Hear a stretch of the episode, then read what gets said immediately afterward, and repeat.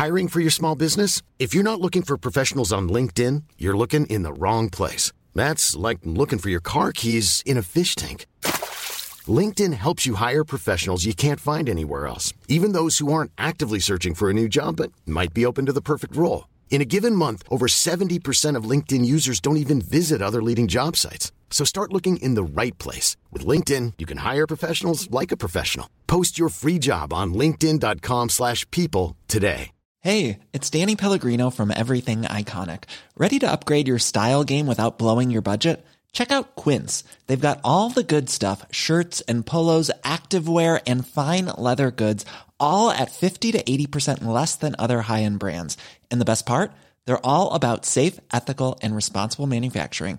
Get that luxury vibe without the luxury price tag. Hit up quince.com slash upgrade for free shipping and 365 day returns on your next order. That's quince.com slash upgrade. Since 2013, Bombas has donated over 100 million socks, underwear, and t shirts to those facing homelessness. If we counted those on air, this ad would last over 1,157 days. But if we counted the time it takes to make a donation possible, it would take just a few clicks. Because every time you make a purchase, Bombas donates an item to someone who needs it. Go to bombas.com slash ACAST and use code ACAST for 20% off your first purchase. That's bombas.com slash ACAST, code ACAST.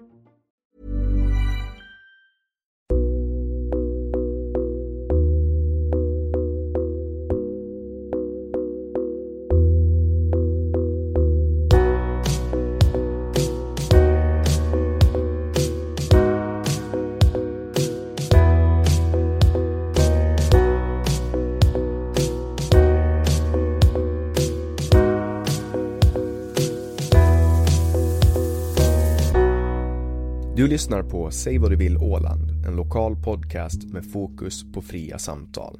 Jag heter Jannik Svensson och producent för podden är Didrik Svan. Vår podd består av mastodontsamtal. Vi vill ha långa samtal eftersom vi då får chansen att verkligen gå in på djupet. Idén är att fokusera på fria samtal. Det här är ingen debatt eller någon form av duell där det finns en vinnare och en förlorare. Det här är ett samtal där vi lägger fördomar åt sidan och där målet är att minska polariseringen. Vi tror att öppenhet är grunden för det demokratiska samtalet och vi vill uppmuntra dig som lyssnare att välja att exponera dig för samtal med någon du inte håller med om, hur triggad du än blir. Det kommer att diskuteras en hel del politik i den här podden och för att du som lyssnare ska slippa tänka på vad jag som programledare står politiskt kommer jag att med egna ord redovisa det för er. Jag tror på öppenhet även för min del.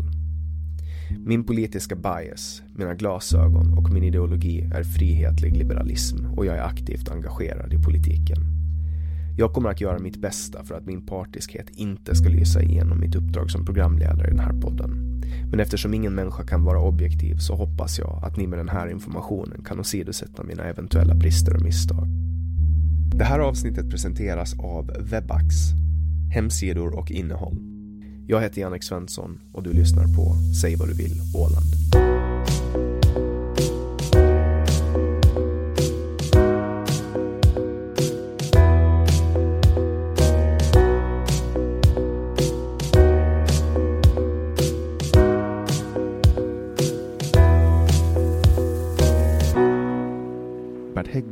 Jurist, lagtingsledamot och partiledare för Obunden samling. Han kom in i lagtinget första gången som 22-åring och har suttit totalt i sex perioder.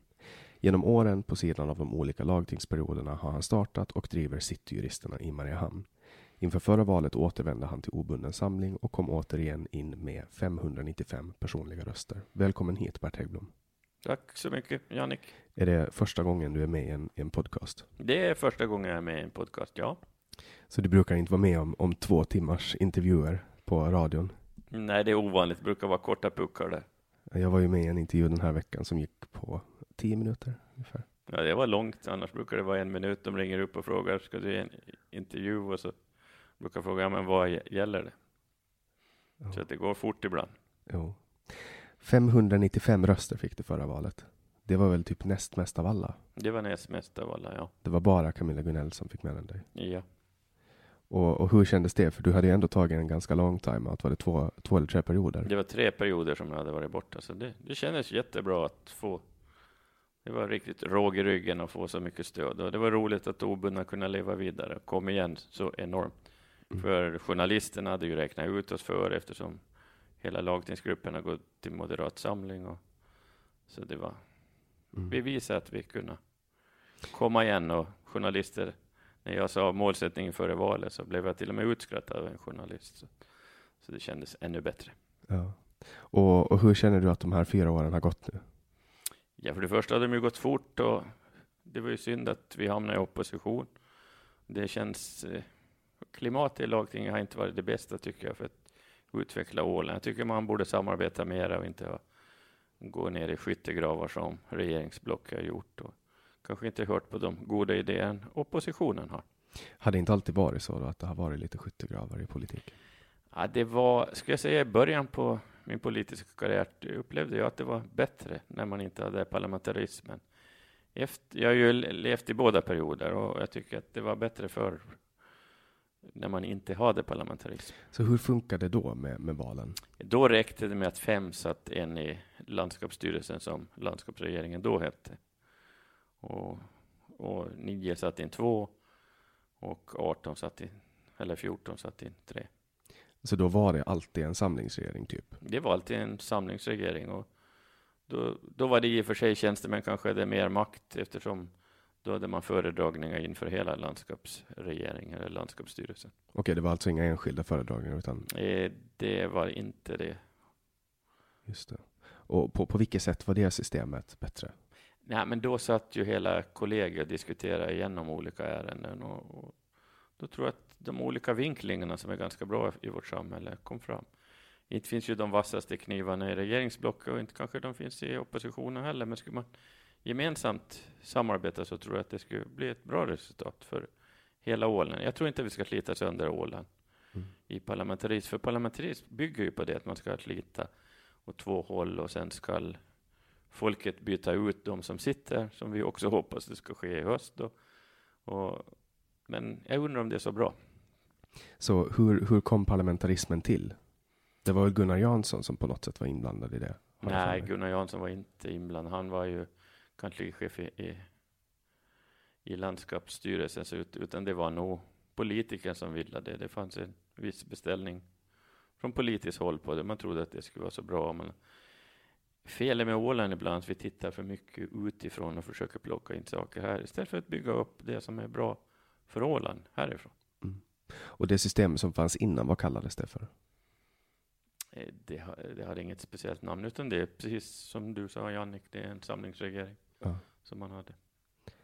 Eh, och, och det jag tänker på var att du kom in när du var 22 år gammal första gången. Ja.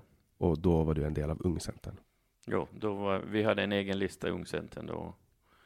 Och då kom jag in på den. Roger Nordlund var också med på den listan. Och, och jag gick över sen det sista året i, i, under perioden så blev jag tjänsteman på lagtinget och då kom Roger Nordlund in som min ersättare i lagtinget. Och då var han också ganska ung. Han var lika gammal som mig då när vi kom in båda. Eller när vi ställde upp helt enkelt. Så, Men då hade han, han hade varit minister innan, nej, ersättare. nej, nej, utan han kom, han tog över så att säga min plats i lag, landstinget som det hette då, lagtinget numera. Så. För, för Roger Nordlund är ju den yngsta ministern någonsin, för han var minister ersättare för Ungcentern. Jo, jo, han var sen. Det var sen efteråt, okej. Ja, eller han kom in i lagtinget, han kom in följande period också. Just det. Så du och Roger har suttit i princip ungefär lika länge? Eller du har ju Eller- varit ute några perioder, Vi men, har varit engagerade i åländska politiska livet lika länge, ja. och ni börjar i samma parti. Ja, Och nu, nu har ni suttit i opposition tillsammans. ja samarbetar bra där också. Hur, hur känns det då att, att ha en kollega som man har haft i, alltså det måste bli snart 40 år? Ja, det är 40 år i år det. Så det känns, det känns ganska bra. Jag menar, man vet var man har varandra, man vet. Och sen, du är jurist och driver Cityjuristerna. Ja, vi är tre olika delägare där. Vi är fyra jurister på Cityjuristerna AB och sen har vi sekreterare också. Just det. Och, och, och du jobbar fortfarande som jurist på, på sidan av? Det gör jag, ja. Och hur, hur, Alltså, lagting är ju inte ett heltidsjobb och jag tror aldrig det, så mycket jobb har vi inte. Vi ska veta, vi har ju begränsat behörigheter där vi har lagstiftning. Så man, man ska inte överdriva det och bygga ut mera och ha allt för mycket debatter. Det leder inte någon vart, utan landskapsregeringen ska ju också ha arbetsro, tycker jag, och jobb. Mm. Ja, så om man ska utöka, menar du att det ska bli väldigt mycket jobb för, för landskapsregeringen? Nej, men jag menar, det är många som tycker att lagtinget borde sitta längre, men jag förstår inte vad, vad man är ute efter, för att, vad lagtinget då ska göra. Utan då skapar man bara debatter för debatternas skull och det leder inte åländska samhället framåt på något sätt. Mm. Så debatterna i plenum, tycker du att de är givande? Eh, det är väl, jag skulle säga att folk har redan bestämt sig när debatterna är i lagting, utan det är utskotten arbetena gör, så det är där jag skulle vilja säga att man skulle vara mer öppen från regeringsblocket och ta till sig de goda idéer som finns och som kommer fram också av sakkunniga man hör. Mm. För det är väl också en liten prestigegrej att, att inte som regering ta emot förslag från oppositionen? Tyvärr är det så. Tyvärr har det varit så under den här perioden och det tycker det är nu på slutet som det börjar lite luckra upp sig, men det har nog varit hårt tyvärr. Men vad, vad kan det bero på? Är det, är det en? Är det för att man är upptagen med att genomföra sitt, sitt regeringsprogram? Liksom? Jag tror att man har varit så upptagen med att genomföra regeringsprogram och sen vågar ingen rucka på det där, för då, då brakar hela deras samarbete ihop och, och då är de rädda för att hela regeringen faller. Och, och det är därför som de har gjort. Det beror på dåligt självförtroende. Mm. Har du varit minister någon gång? Nej, jag har aldrig. Jag tackade nej till landskapsregeringsposter för eftersom jag hade varit jurist. Så att polit, det politiska livet är ganska osäkert och jag menar att ge upp en inkörd juridisk byrå som jag haft så det känns attraktivt. Okej, okay, så det handlar, det handlar om jobbet, liksom, att du har velat kunna, du har velat kunna upprätthålla ditt företag på sidan? Det stämmer precis. Det är därför jag inte vill gått in i landskapsregeringen. Okay. Så du är inte öppen för att ta emot en ministerplats nu ifall det skulle? Det kan jag vara. Det får vi se hur, hur det ser ut efter valet. Men det, mm. Jag tror att jag har kanske en gedigen erfarenhet som kanske kan vara till nytta för det åländska samhället. Och kan jag ge något tillbaka till det åländska samhället så jag villig att göra det. För det åländska samhället har givit mig så mycket och medborgarna på Åland. Var, var kommer du ifrån från början? Från Saltvik. Där, där var jag med i kommunalpolitiken före jag flyttade till Mariehamn 2011. Så att, och där har jag sett skillnad mellan landsbygden och Mariehamnstad till exempel. Mm. Så i, i Saltvik är man ju ganska kritisk till kommunreformen.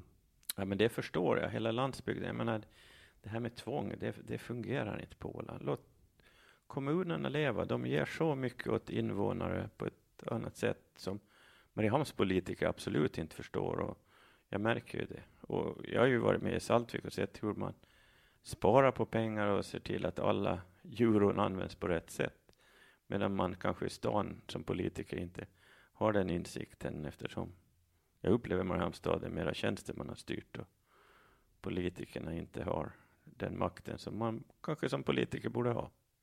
Men du sitter inte med i stadsfullmäktige eller? Jag sitter med i stadsfullmäktige. Jag kom in när jag flyttade till stan 2011. Och därför kan jag jämföra hur, hur det är på landsbygdskommuner och, och Mariehamnstad till exempel. Därför tror jag inte på de här sammanslagningarna, att det blir så effektivt som vissa politiker hävdar. Jag tror tvärtom att sammanslagning av stora enheter är inte bra. Och det slår också sönder det småskaliga näringslivet vi har på Åland och det har ingen analyserat. För många småföretagare idag jobbar åt kommunerna på landsbygden och i skärgården. Och gör man en stor kommun ska det vara en upphandling.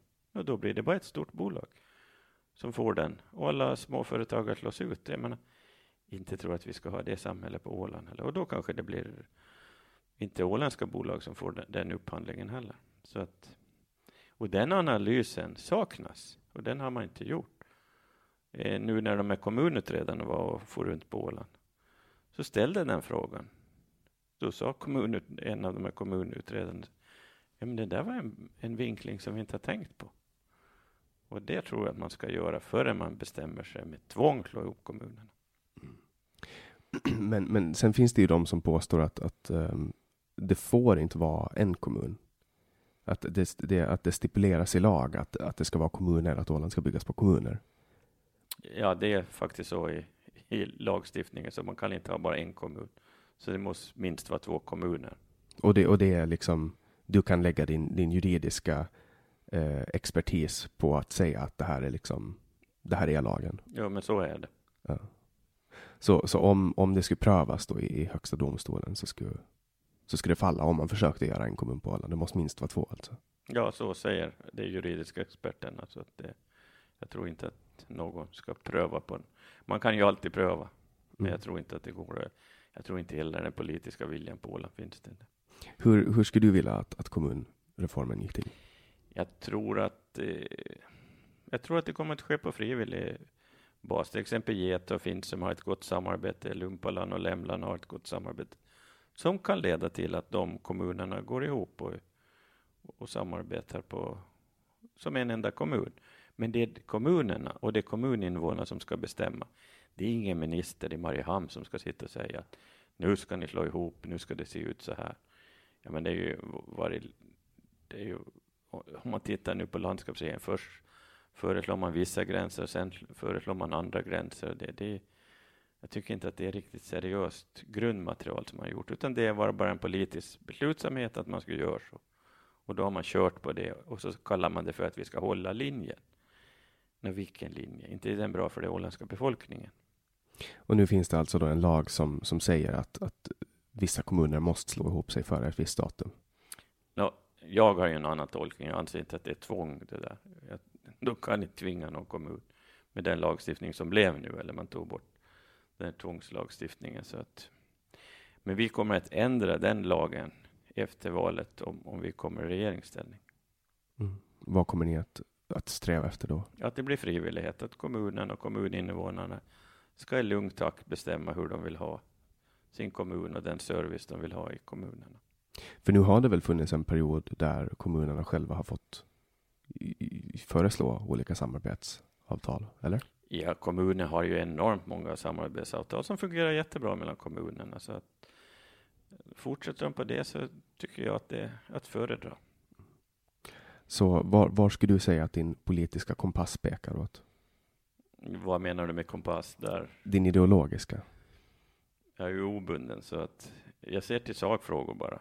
Jag ser inte höger, vänster eller i en sån skala. För mig finns det inte som obunden. Jag, jag ser det åländska samhället, vad jag vill som politiker göra, se på sakfrågor, vad som är bra för Åland, hur vi kan utveckla Åland, vilka visioner vi har om 30 år. Vad ska Jannik göra, jobba med om 30 år till exempel. Det, det är sånt som intresserar mig, att vi, vi skapar grogrund för ålänningarna i det samhälle vi lever i. Så du, du skulle inte kunna liksom känna att du eh, håller med mera i allmänhet med en moderat än med en socialdemokrat till exempel? Ja, du tittar på debatten så det är svårt att veta vem som är vem. Ja. det är ju lite så. Eftersom de sitter i samma regering så vem är, vem är moderat och vem är socialdemokrat i dagens regering? Det är en bra fråga, Jannik. Ja, men det kan man, det kan man tycka. Jag, jag, jag ser ju det symptomatiskt som att när man, när man har en eh, fördelningspolitik och, och inte kontroll över skatterna så, så, så tappar man ide- ideologin liksom. Alltså, vi har ju vissa verktyg i vår verktygsbox. Vi har inte, vi har ju inte den här direkta beskattningen, men kommunalbeskattningen har vi och där har vi ett styrinstrument som vi kan utnyttja avdragsmöjligheten kommunalbeskattning. Men, men om, om vi säger så här då, är du individualist eller kollektivist? Individualist skulle jag nog säga att jag är ganska mycket. Så då mera åt höger än åt vänster med andra ord. Ja, det är den bedömningen du gör i så fall. Det är inte jag som gör den bedömningen. Är du progressiv eller konservativ? Nej, både och skulle jag säga. En progressiv konservativ. Du väljer lite din ställning när det kommer till, Till eh, sakfrågan, ja. Så är det. Jag tror om du vinklar mikrofonen så att den liksom tar tag så, så att den är rakt in. Ja. Sådär.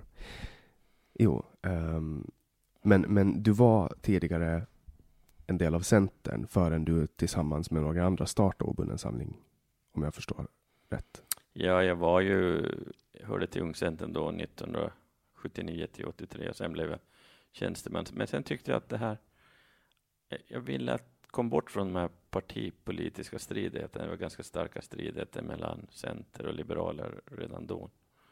Och jag tänkte att det, det skulle vara bättre att man har, som det var tidigare, det var valförbund och det var obundna över hela landskapet, som det också finns idag. Jag menar om man ser skärgårdskommuner, inte har de några partier när de ställer upp till kommunalvalen. Det. Jag tror att det är bra om man har sakpolitiska frågor som man tittar på. Mm. Men visst var du med och starta obunden samling? Jo, jo, jag var den som drog igång det. Och det var 1987? 87. Jo, nej, det var jag som började med det. Just det. Och när var det, när var det Danne Sundman och, och, och eh, gänget kom med? Eh, Danne Sundman kom inte val efter, utan han var ställd upp i följande val sen. Just det. För, för det som hände 2000, vad var det då, 2014? Nej, 2013.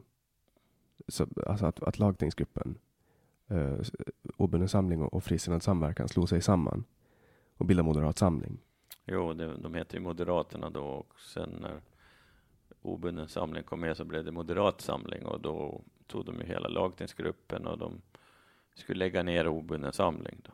De tog hela kassan med sig och alltihopa så det skulle inte finnas några kvar av obundna alls. Och vad kände du då?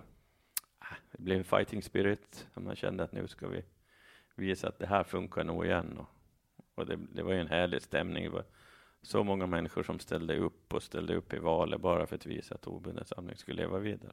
Mm. För att, ja, men man slår sönder något som var jättebra. Och, jag menar, man ser nu, vad det Moderat Samling idag? De har tappat, de har ju tappat landsbygden och det tror jag att de gjorde med det kommunsammanslagningar som Moderat Samling har kört enormt hårt på. Och de finns inte på det sättet. Alltså de, de förstörde något bra som var, var uppbyggt, skulle jag säga. Obunden samling skulle vara ännu starkare idag. Mm. Ja, det kanske var, alltså i retro, retrosperspektiv så kanske det inte var världens smartaste grej att göra. Nej, jag tror att de ville ju bli den största gruppen. Det var ju det de trodde och skulle få landrådsposten efter valet och det de trodde på åtta, nio mandat. Det är som företag det där. Man, inte, inte får man dubbel omsättning bara för att man slår ihop två företag, utan det, det blev det syndromet som de fick inte upp och sen fick de ju bara fem mandat och jag menar, de var ju åtta ledamöter när de slutade gruppen, så de gick ju tillbaka i valet om man, om man ser det så. Ja, det kanske skulle ha varit smartare och, och bara direkt inför valet, att man inte skulle ha gjort det mitt i en period för, för deras skull. Men nu blev det som det blev och det är väl din lycka. Jo, jo, no, om vi ser båda ordförande som fanns då så, så det var en och Gudmar Lindholm, båda henne ställer ju inte upp i det här valet. Så båda de ordförande som kanske var arkitekter bakom det så finns ju inte längre. Nej. I det politiska livet menar jag, i lagtingspolitiken inför nuvarande val. Nej. Och nu, jag kommer ihåg att Moderaterna, när de, eller Frisinnad samverkan, när de bytte, de hade någon segel som såg ut som en banan. Kommer du ihåg den? Ja, det kommer jag ihåg. De, de föll på sitt bananskal. Ja, någonting sånt. Just det. Men eh, du känner alltså nu att du skulle vara redo att ta en, en ministerplats? Om, om... Ja, det är ju i den här så att säga, tiden som man varit nu så, så tycker jag att det skulle vara intressant. Om vi kommer i den positionen. Det hoppas jag att vi ska göra med Centern och Ålands framtid som, som grund och sen om det kommer något parti med till sen. För många anklagar ju obunden samling för att vara ett högerparti. Är det fel? Ja, det... De ska ju till, se till sakfrågorna, men vad man kallar någon för, så det kanske för att de inte röstar på sig i så fall, om de har, säger så. Jag menar, många kommer med olika tillmälen, men sånt bryr jag mig inte om helt enkelt. Mm. Sen anklagas ni också för att vara populister. Jag har aldrig förstått det där ordet populist, om jag säger så. Jag menar, om man säger någonting och befolkningen tycker samma som vad jag har sagt, så då är det ju det som är demokrati. Och då är det ju det beslutet man ska fatta. Mm. Det populära beslutet. Ja, men det är ju det som befolkningen är. Det är ju befolkningen som röstar i val. Om man då för fram deras synpunkter, så då är det det som ska drivas vidare. Så hur ser du på, på ordet populist? Ja, jag, jag vill säga att jag tycker att det ordet i självs mening så tycker jag inte om det överhuvudtaget. Jag använder det aldrig själv i, mm. när jag talar. Jag tror inte att, inte mig veterligt i varje fall. Jag har aldrig beskyllt någon för populist. Men folk, folk kallar ju dig för populist. Hur, hur, var, var tror du att det kommer ifrån? Ja, de irriterar väl mig på de starka åsikter jag har och, och då då kan man inte argumentera mot mig, utan då använder man det ordet istället för att sätta sig ner med Bert och fråga var, hur, hur kan du argumentera så här? Jag menar, då får de ett jättebra svar också som kanske gör att de också ändrar åsikt. Mm. Så du tror att det kan vara rädsla? Alltså, för det är ju ofta liksom det politiska etablissemanget. Och när jag säger politiska etablissemanget så syftar jag på regeringspartier eller stora partier. Uh, och det är ofta de som säger, ja men Bert, han är en populist. Det är nog ofta så att de sätter sig inte ner och diskuterar. De som vet hur jag argumenterar och det som säger, ja men vi håller ju med dig. Och det, jag menar, det, jag tror att, eller vi, man, jag kan argumentera, jag kan också ändra åsikt. Jag menar, jag vill ibland testa de andras åsikter och testa, håller de? Och ställa frågor som de, in, som de måste svara på. I grunden kanske jag höll med dem från början. Men då måste jag ju testa deras idé. Är den bärande eller inte? Och, och, då, och det kanske inte är så lätt för alla att, att ta den diskussionen. Kan det vara grunden till att, eh, till att du kallas för kontroversiell? Det tror jag säkert. Det, det, är jag helt övertygad om. För jag står upp och jag står för mina åsikter och jag är inte rädd för det heller. Utan då försvarar jag de åsikterna ända in i kaklet. Tycker du att du är kontroversiell? Det tycker jag inte själv. Jag menar, jag tror att de som känner mig bra så, så upplever mig inte på det sättet.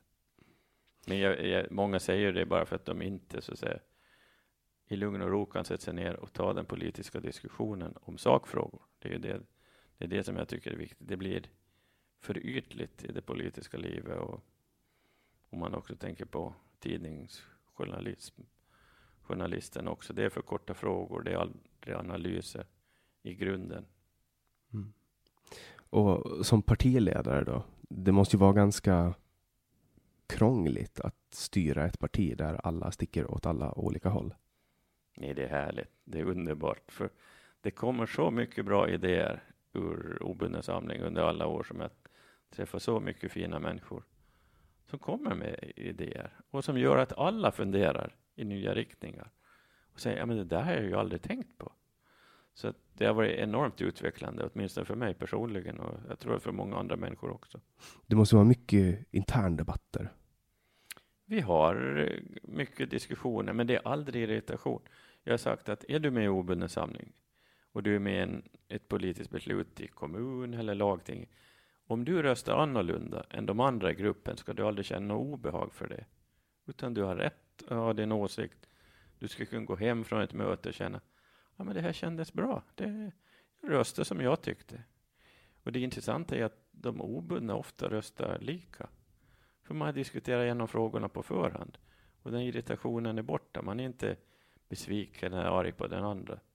Som kanske som hände nu i, i, lagtingen när Holmberg röstade annorlunda mot regeringen nu. Som jag tror att han fick mycket mm. skäll för. Ja, både res och ros tror jag nog att, att han fick. Jag, vet, jag tror inte att han insåg att han skulle bli den fällande rösten. Tror du det? Jag tror att han var så stark så han visste det, ja. Mm. För, för hela den grejen var ju liksom... Vem var, var, du var väl ganska ledande i, i att ta det här, eller var det Centern som, som ledde det? Vi hjälptes nog alla åt för att driva igenom det här, ska jag säga. Och hur kändes det när, när, när du såg rösterna? Det kändes jättebra. Jag visste när Toivonen kom in i salen att det skulle gå bra för oss. Mm. Du blev ju anklagad för att ha köpt en biljett åt Toivonen. Ja, det, Toivonen betalar nog sin biljett hem själv. Men vem, jag, jag försökte faktiskt få hem honom, så att det, det, det, står jag för och det är ingenting som jag, jag skäms för. Jag sa att nu kommer du hem och röstar i, det, i den här omröstningen, den är jätteviktig. Men han kom precis i rättan tid? Då? Exakt. Mm. Så om någonting skulle ha stärvat på vägen med någon bil eller någon landning så skulle... Ja, då hade det blivit annan röstning. Så. Mm. Så nära var det. Hade ni planerat det här att, att Gunmar i Lindholm skulle vara bortrest? Nej, det, det tror jag inte är något planerat. Jag menar om du tittar hur både Carina, eh, ledamoten Karina Altonen och talmannen Gunmar Lindholm ska rösta så hade, så hade det inte hjälpt dem. Mm. Men, men det som hände efter den här röstningen var att, att landskap, eh, lagtinget skickade en uppmaning till landskapsregeringen om att dra dra tillbaks avtalet om elhybridfärjan. Ja, så är det ju. Jag menar, sen är det upp till landskapsregeringen och, och se om de fullföljer vad lagtinget sagt eller om de kör sitt eget lopp igen. Och det, i så fall är det bara att beklaga. Jag tycker att man inför ett val inte skulle fatta sådana här beslut. Jag, jag tror att det skulle vara bra om landskapsregeringen skulle haft öronen mot marken lite bättre. Jag menar om man tittar nu på eh, Kökarborna är inte inne för det här. Fögleborna är inte inne för det och inte Sottungaborna heller. Åtmin, åtminstone inte deras fullmäktige. Så att, det är det som jag tycker, om det är så här stora pengar som åländska medborgaren ska lägga i skärgården så, så bör nog skärgårdsborna vara med på det i så fall. Så att för mig är det obegripligt. Kan det inte vara så att, att det också är alla andra på Åland som betalar som ska vara liksom delaktiga i beslutsprocessen? Men så är det. Men om man tänker på Hammalen till exempel som vill ha någon liten korsning för några hundratusen ombyggda och få nej av landskapsregeringen och sen sätter man då 66 miljoner på en elhybridfärja. Okej, okay, det är ett avtal på, på 15-20 år, så att, men, men ändå. Allt måste ha sina proportioner. Mm. Och jag menar, det inte blir något bättre, jag menar för några minuter. Jag menar, den nuvarande färjan då, Skarven kör ju med 11 knop. Varför går den i 16 som den kan köra med? Så, så sparar man nog in de där fjuttiga minuterna som man då ska bygga broar och ny färja och alltihopa. För, för sist och slutligen, om jag har förstått det rätt, så handlar ju det här om att, att uh, skarven har över 20 avgångar per dag. Och, och då sparar man ju 10 minuter gånger 20, vilket är 200 minuter. Så det är ju typ tre och en halv timme om dagen driftkostnader. Och det blir ju ganska mycket bränsle sist och slutligen, så jag kan ju liksom förstå den här tanken om att spara in på bunkerpriserna. Och med en, med, speciellt också med en hybridfärja så blir ju man, man tar ju bort bunkerpriserna på det sättet. Men vad, vad tänker du om Gripebron? Är du för eller emot? Nej, men det är ju där du ska också jämföra det med Gripebron och ska du ha det som kostar en 30-40 miljoner där alltihopa. Du köper ganska mycket bunker för det. Jo, det måste så att, Plus det att bygga en bro i cement. Du ska komma ihåg cement är en av de största koldioxid som, som just cementfabrik, fabrikation av cement så kräver enormt mycket koldioxid. Mm. Så miljömässigt så är det ju inte bra att bygga i betong. Mm. Men, men skulle du helst vilja att man, att man tog tillbaks kortrutten till ritbordet? Jag tycker att vi borde sätta oss ner allihopa. Man borde ha en kvalificerad majoritet i lagtinget som skulle gå in för en tunnel till Fögle, till Degerby, så att den kulturbygden är kvar och på det sättet skulle man få skärgården och kanske stoppa den här avbefolkningen som är. Och, men det förutsätter ju att det inte blir dyrare än nuvarande trafik. Jag menar, vi, vi, det måste vara någon realism också i ekonomin där. Men jag tror nu vi har den låga räntor, till och med minusräntor, så, och 30 år framåt så, så finns det ju faktiskt bolag som är villiga att satsa så att landskapet betalar bara en årlig avgift för en tunnel. Sen får man den tillbaka som, och äga den om 30-40 år och det skulle vara idealet tycker jag. Mm. Och vet man med säkerhet att det här finns? Att det finns företag som är beredda att, att göra, göra det här? Det finns ju ett åländskt företag som jobbar med det här och jag tror att går man ut till en upphandling så tror jag säkert man kommer få sådana som ger anbud och då får man bedöma. Går vi vidare med det här eller går vi inte vidare med det här? Och, och det är ju det som är tror jag är det möjliga scenariot. För, för risken kommer ju alltid att hamna på beställaren hur man än vrider och vänder på det. Jo, men har man ett avtal som är 30-40 år så, så håller de ju. Jag menar, det är ju, här är ju ingen ny uppfinning för Åland utan det är sånt som har skett på annat håll. Och jag menar, ser vi på Färöarna så är det ju en bra utveckling där man har byggt tunnlar där. Varför tror du att skärgårdstrafiken är så otroligt eh, tankeväckande och åsiktsväckande? Den har varit det under, jag menar jag har varit med 40 år i det politiska livet. Före mig var det ju enorma debatter. Det fanns ju redan vägar som var dragna till Hastersboda i, i Fögle som var, gjorde att det skulle vara kortrutt redan då, men det har inte hänt någonting. Jag kommer ihåg för tio år sedan när jag började med politik så, så fanns fortfarande Folke Sjölund vid livet och han var min politiska mentor och han sa till mig så här, Jannik, du kan ge dig in i alla debatter och prata om allting. Men ge fan i skärgårdstrafiken. Då får du bara ovänner. Och det, jag tror att det ligger någonting i det. Det är ju en väldigt splittrande fråga. Ja, det har alltid varit känsligt, skärgårdstrafiken. Och jag menar, jag kan ju se tillbaka på, på alla åren i lagtingen när man har diskuterat minuter hit och minuter dit från skärgårdspolitiker. Så att jag menar, det, det var en evig så att säga, diskussion. Men vi ska komma ihåg att skärgårdsbefolkningen har ju, det har ju varit en negativ trend och det är ju ingen politiker som har haft den uppfinningsrikedom att man har kunnat vända på det där. Men jag tror att skulle vi få en tunnel till Fögle så åtminstone skulle det finnas förutsättningar att bromsa den utveckling som har varit. Mm.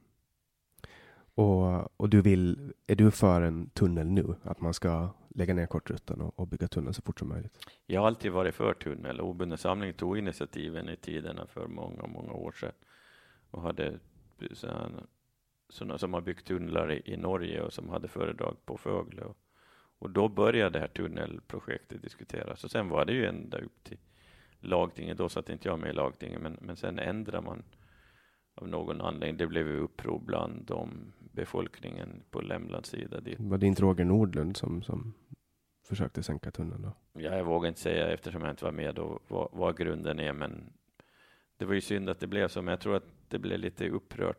Landskapet gick lite fel när man inte först säkerställde där man kan komma i land. Det när man får befolkningen emot sig så, så blir det så påverkar det alltid politiker och det kan vara små marginaler som vi vet som gör att politiker ändrar sig. Mm. Vad är det bästa med att vara politiker? Då? Ja, det är ju att man kan ju skapa en förändring. Man ska inte tro att man skapar förändring för dig för morgondagen. I vissa frågor kan man göra det, beskatt, beskattning och sånt i kommunen. I kommunala politiken så kan du göra, har du direkt effekt de beslut du gör. Landskapspolitiken kanske bygger lite på längre sikt, men nu finns det beslut som berör dig som medborgare ganska snabbt där också. Så det, det är ju intressant om man kan göra någonting som är bättre för befolkningen. Folk brukar ofta säga att, det är, att man inte ska tro att saker och ting går snabbt i politiken. Nej, nej, men det stämmer. Och det ska inte gå fort heller. Och jag menar därför de som tycker att det ska vara snabbfix med kommunsammanslagningar. Så det, det, är man för det, så låt det gå i den tid det gör. Då hinner samhället med. Det, då, då går det i lugn takt. Ja, politik ska aldrig vara snabbt och lagstiftning ska inte vara snabb heller. För det är då det kanske sker misstag och fel som, som många människor felaktigt drabbas i. Mm. Och om man kollar till exempel på, nu, nu har det varit, du har varit fyra år i opposition och jag tycker personligen att du har gjort ett ganska bra oppositionsarbete. Alltså, bra oppositionsarbete är ju att få folk arga, få mycket rubriker eh, i tidningarna och destabilisera regeringen. Det är ju det som är oppositionens funktion. Men, men om, om du jämför det här med att till exempel sitta i regering. Då, det är ju väldigt, väldigt olika. Nu har ju du aldrig suttit i, i regering på det sättet i och med att du har tackat nej till att göra det. Men du har väl ändå suttit i lagtinget eller landstinget när du har varit del av ett regeringsparti. Om du jämför de två, vad är skillnaden på att eh, sitta i, i lagtinget vid ett regeringsparti och ett oppositionsparti? Ja, är du i opposition måste du jobba mycket, mycket hårdare. Alltså, då måste du komma med extra alltså, lagförslag, du måste komma med budgeter, du måste komma med motioner. Alltså, du måste gå in och, och jobba i grunden. Jag menar, många som sitter i regeringsblock, eh, eh, de blir kanske lite för lata inom citationstecken för de sitter och fattar sina beslut i, i, innanför fyra väggar som inte är offentligt. Och där tycker jag att man är kanske lite fel på Åland, att de i, som sitter i regeringsblock inte heller lämnar in motioner, lagmotioner eller finansmotioner. Är det praxis eller? Det har blivit det och det, jag tycker att det är negativt för det, menar, det tar bort den effektiviteten tror jag i, i det politiska arbetet. För man har ju ändå möjligheten när man sitter i ett, um, alltså i ett regeringsparti att man bara tar det direkt i regeringen och får det som en proposition.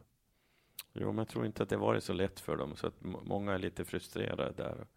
Och det är det de kommer underfull med inför valet. Varför har jag inte fört den frågan? Varför har jag inte marknadsfört det här förut? Och, och, och det får de kanske märka i ett val sen, att, det, att nu straffas det här. Händer det att, att ledamöter av ett regeringsparti lägger motioner i lagtinget? Då? Det har inte varit under det här perioden, vad jag kan minnas nu så här. Det kan hända att jag är fel där, men det, det är nog bara ett fåtal i så fall som har lagts. Har lagtinget godkänt någon av era motioner? Eh, Delvis har de väl gjort det, men inte, en del har ju begravts. Många av mina motioner ligger begravda i utskott, utskotten, fast man har sagt att man är för det, till exempel det här med att de sjukvårdsanställda som har varit vikarier tio år på sjukhuset och inte vikarierar någon, inte får en ordinarie tjänst, så är det inom privatlivet. Om du är företagare så får du absolut inte ha någon anställd på det sättet. Och den lagstiftningen vi vill ändra på. Och ja, landskapsregeringen, när journalister undersökte det, så var ju för det. Men varför har de inte kommit med en lagändring? Och det här driver ju på nu igen i det här valkampanjen. Och det måste in i ett regeringsprogram. Jag menar, det, det, det där är en typisk sån fråga som jag inte förstår att man inte drivit igenom från landskapsregeringen. Mm. Och du är en analog man i en digital värld. Du använder inte Facebook. Nej, eftersom mitt jobb har jag sagt att eh, jag ska inte göra det. Det, det är min bedömning. Jag, det, Hur håller du kontakt med väljare nu? Det är ute, på, ute bland folk helt enkelt man rör sig. Ja, men I mitt jobb träffar jag ju enormt mycket människor. Och folk ringer mig och tipsar om både det ena och det andra. Och det är en otrolig... Det är, den, det är det jag gillar bäst när man får prata med folk. Mm. Så hur har du gjort för att, liksom upprätthålla? För att idag kan man ju, vem som helst kan ju upprätthålla kontakt med hur många som helst genom att bara basunera ut det på sina egna kanaler. Men, men jag kan tänka mig att man är ju delvis begränsad till massmedial rapportering när man, när man inte har Facebook. Jo, men har man... Åland är ett ganska litet samhälle. Så man aktiv själv och pratar med folk så, så det är det bästa. Ja, du har ju bevisat att det går att få åtminstone 595 röster utan Facebook. Ja, de var ju helt chockade de som satt. Jag tror att ingen räknar väl kanske med att man skulle komma in ungefär bland de här andra politikerna som då satt i, i lagtinget. För de blir som en bubbla där. De, de har ingen kontakt med verkligheten lite. Som jag upplever det. Men mitt jobb så träffar jag ju folk hela tiden. Och, och, och det är det som är fördelen. Man, man träffar folk. Och, och det bevisar att jag behövde inget. Facebook eller sociala medier. Det gick bra ändå. Men de frågar mig efteråt, hur bar du dig åt? Hur, eh, hur lägger du upp eh, jobbet då? Alltså du, du jobbar fortfarande deltid som jurist? Nej, jag, jag jobbar heltid. Du jobbar heltid? Jag jobbar heltid som det är också i politiken. Min, min framtida planering är att försöka gå ner till heltid. Mm. Men du sitter mest på, på ditt cityjuristerna-kontor då? Jo, det gör jag. Och du sköter även lagtingsarbetet därifrån, förutom när det är utskott och plenum då? Mm, nej, men så gör man. Då går man ju till lagtinget när man är där och när man har utskott där. Annars sitter jag och jobbar på, på kammaren. Mm. Och vad, vad är det för, för fall du åtar dig? Ja, det är allt möjligt. Jag menar, vår juridiska byrå, så vi- vi tar alla fall egentligen. För Åland är så litet och då kan det är jättesvårt att specialisera sig på något. Mm. Så det är brottmål, civilmål och, och förvaltningsmål. Jag har ju anlitat din byrå tre gånger. Ja, får tacka för det. Jag får tacka för bra skydd, för jag har vunnit alla gånger. Ja, ja. Låter ännu bättre. Ja, det, det är ju Johanna Nyman som är eh, otroligt skicklig. Precis. Eh, jag, tycker, jag tycker att det är väldigt härligt att se henne i rättssalen. Så där har du gjort ett riktigt kap. Ja, hon är enormt duktig. Så det, Hur, hur, hur känns det för henne då att, att både du och Marcus Mårtar, som också är med i Cityjuristerna, ställer upp i lagtinget? Kommer hon att bli ensam tror du? Nej, vi har ju en jurist till som vi har. Så Hamrå Drott som jobbar där nu, som har varit advokat i Helsingfors. Han var tidigare hos också, men han har varit i Helsingfors under ett antal år. Så kommit tillbaka nu till Åland, för han gillar Åland så mycket. Mm. Men, men det finns ju en, en sannolikhet att, att både du och, och Mårtar kommer in i, i lagtinget. Ja, no, vi satsar ju på det i varje fall, så vi får väl ordna sen jobbet efter det då. Se om vi Mm. bör förstärka ännu mer. Så hur ofta är du i tingsrätten här på Åland och uppträder då? Ja, nästan varje vecka, inte riktigt, men nästan. Mm. Det är lite olika på. Ibland är man flera gånger i veckan, ibland är man kanske bara en gång i månaden eller något sånt. Hur gör du om, om, du har, om du ska vara i tingsrätten och det är plenum? Eh, nu för tiden så det blivit bättre. Man, man kan om man har civila mål så frågar de ofta på förhand eller annars ordnar vi det på byrån att någon annan tar det brottmålet om, om det skulle kollidera eller något sånt. Mm. Så på det viset det utvecklas också inom rättsväsendet. Förr satt man alla tisdagar och alla mål kom upp nio på morgonen, 20 mål och alla jurister visste inte när de skulle komma upp. Så, Ja, så satt man där från nio på morgonen till tio på kvällen. Så det har skett en utveckling där och till det bättre. Ja. ja, statliga myndigheter som tingsrätten, man får väl ändå säga att det är en statlig myndighet? Eller? Jo, ja, det är en Det- statlig det är en myndighet. statlig ja. myndighet. Eh, alltså, jag, jag fick hem ett brev. Jag, jag skulle eh, vara i tingsrätten och vittna om någonting som hade hänt för flera år sedan och jag bodde i Stockholm. Och en dag så, så ringde det i min telefon och så svarade jag och så sa de ja hej vi ringer från polisen i Stockholm och du behöver infinna dig på Kungsholmen. Och så sa jag okej, vad, vad, vad handlar det om? Jag kan tyvärr inte berätta det över telefon men du, du, behöver, du behöver komma till Kungsholmen före klockan 11. Uh, eh, och om du inte kan ta dig dit för egen maskin så kan vi komma och hämta dig. Och jag bara nej, nu är det, nu är det någonting som har hänt. Och så sa jag, ja men jag tänker inte börja Eh, släppa allt jag har nu och ta mig till Kungsholmen för, för någonting som jag inte vet vad handlar om. I sådana fall får ni nog komma och hämta mig, sa jag. Eh, och en timme senare så, så kom det en eh, poliskonstapel och då kom han för att räcka över ett papper från Ålands tingsrätt till mig personligen och jag måste skriva på att jag hade fått det. Då hade de på Ålands tingsrätt suttit och skickat en kallelse till fel adress. Eh, och eh, istället för att ringa mig och säga så här, eller typ mejla mig, så hade de du vet, försökt brevledes och när de inte fick tag på mig brevledes så begärde de handläggning från myndigheter i Sverige för att föra fram det här till mig. Eh, och då ringde jag upp till tingsrätten och frågade vad håller ni på med? Alltså, ni kan söka på mitt namn och hitta mitt telefonnummer, min adress och min mejladress och allting. Det tar fem minuter. Men istället så, så begär ni handläggning och betalar svenska staten pengar för att söka upp mig personligen. Eh, och då sa de bara, att nej men du ska inte ifrågasätta våra metoder. Men det, det kan jag tycka att, att det är så konstigt att man liksom att man, man håller på med det här gamla analoga sättet när det finns så enkla sätt att kontakta folk. Eh, så där tycker jag att, att tingsrätten har lite övrigt att önska, så att säga. Men det har nog blivit bättre där. Jag skulle säga att de är, det beror lite på vem som jobbar med det. En del ser, ser det på ett annat sätt och fixar det på olika sätt. Det där, så att, Ja, det här var ju fyra, fyra, fem månader sedan. Det slutade med att jag fick vittna per telefon. ja, precis. Men det här är, jag tycker det är en sån det det är så konstigt sätt att, att gå tillväga. Liksom. Det kanske funkar på 70-talet. Att, Det är lite byråkratiskt ibland, ja, så är det. Men det finns olika på det, bro. Det finns andra som jobbar där också. mm. Så att jag menar, just nu är det en stämningsman som Börje Andersson som är enormt effektiv. Jag tror att Men han har väl gått i pension? när han jobbar, i, han jobbar nu, han, han jobbar också som pensionär. Så att, men, Okej. men det är en sån som är mycket effektiv. Så att jag, han skulle nog, du inte råka ut för det där tror jag. Nej, för det här, jag kan ju säga att det inte var, var Börje som skickade Nej. här. Så att det, Eh, vilka utskott sitter du med i? Jag sitter med i lag och, och kulturutskottet. Där skulle jag vilja säga att jag skulle vilja ändra på, på arbetssättet i lagtinget. Nu har man utskott med sju personer.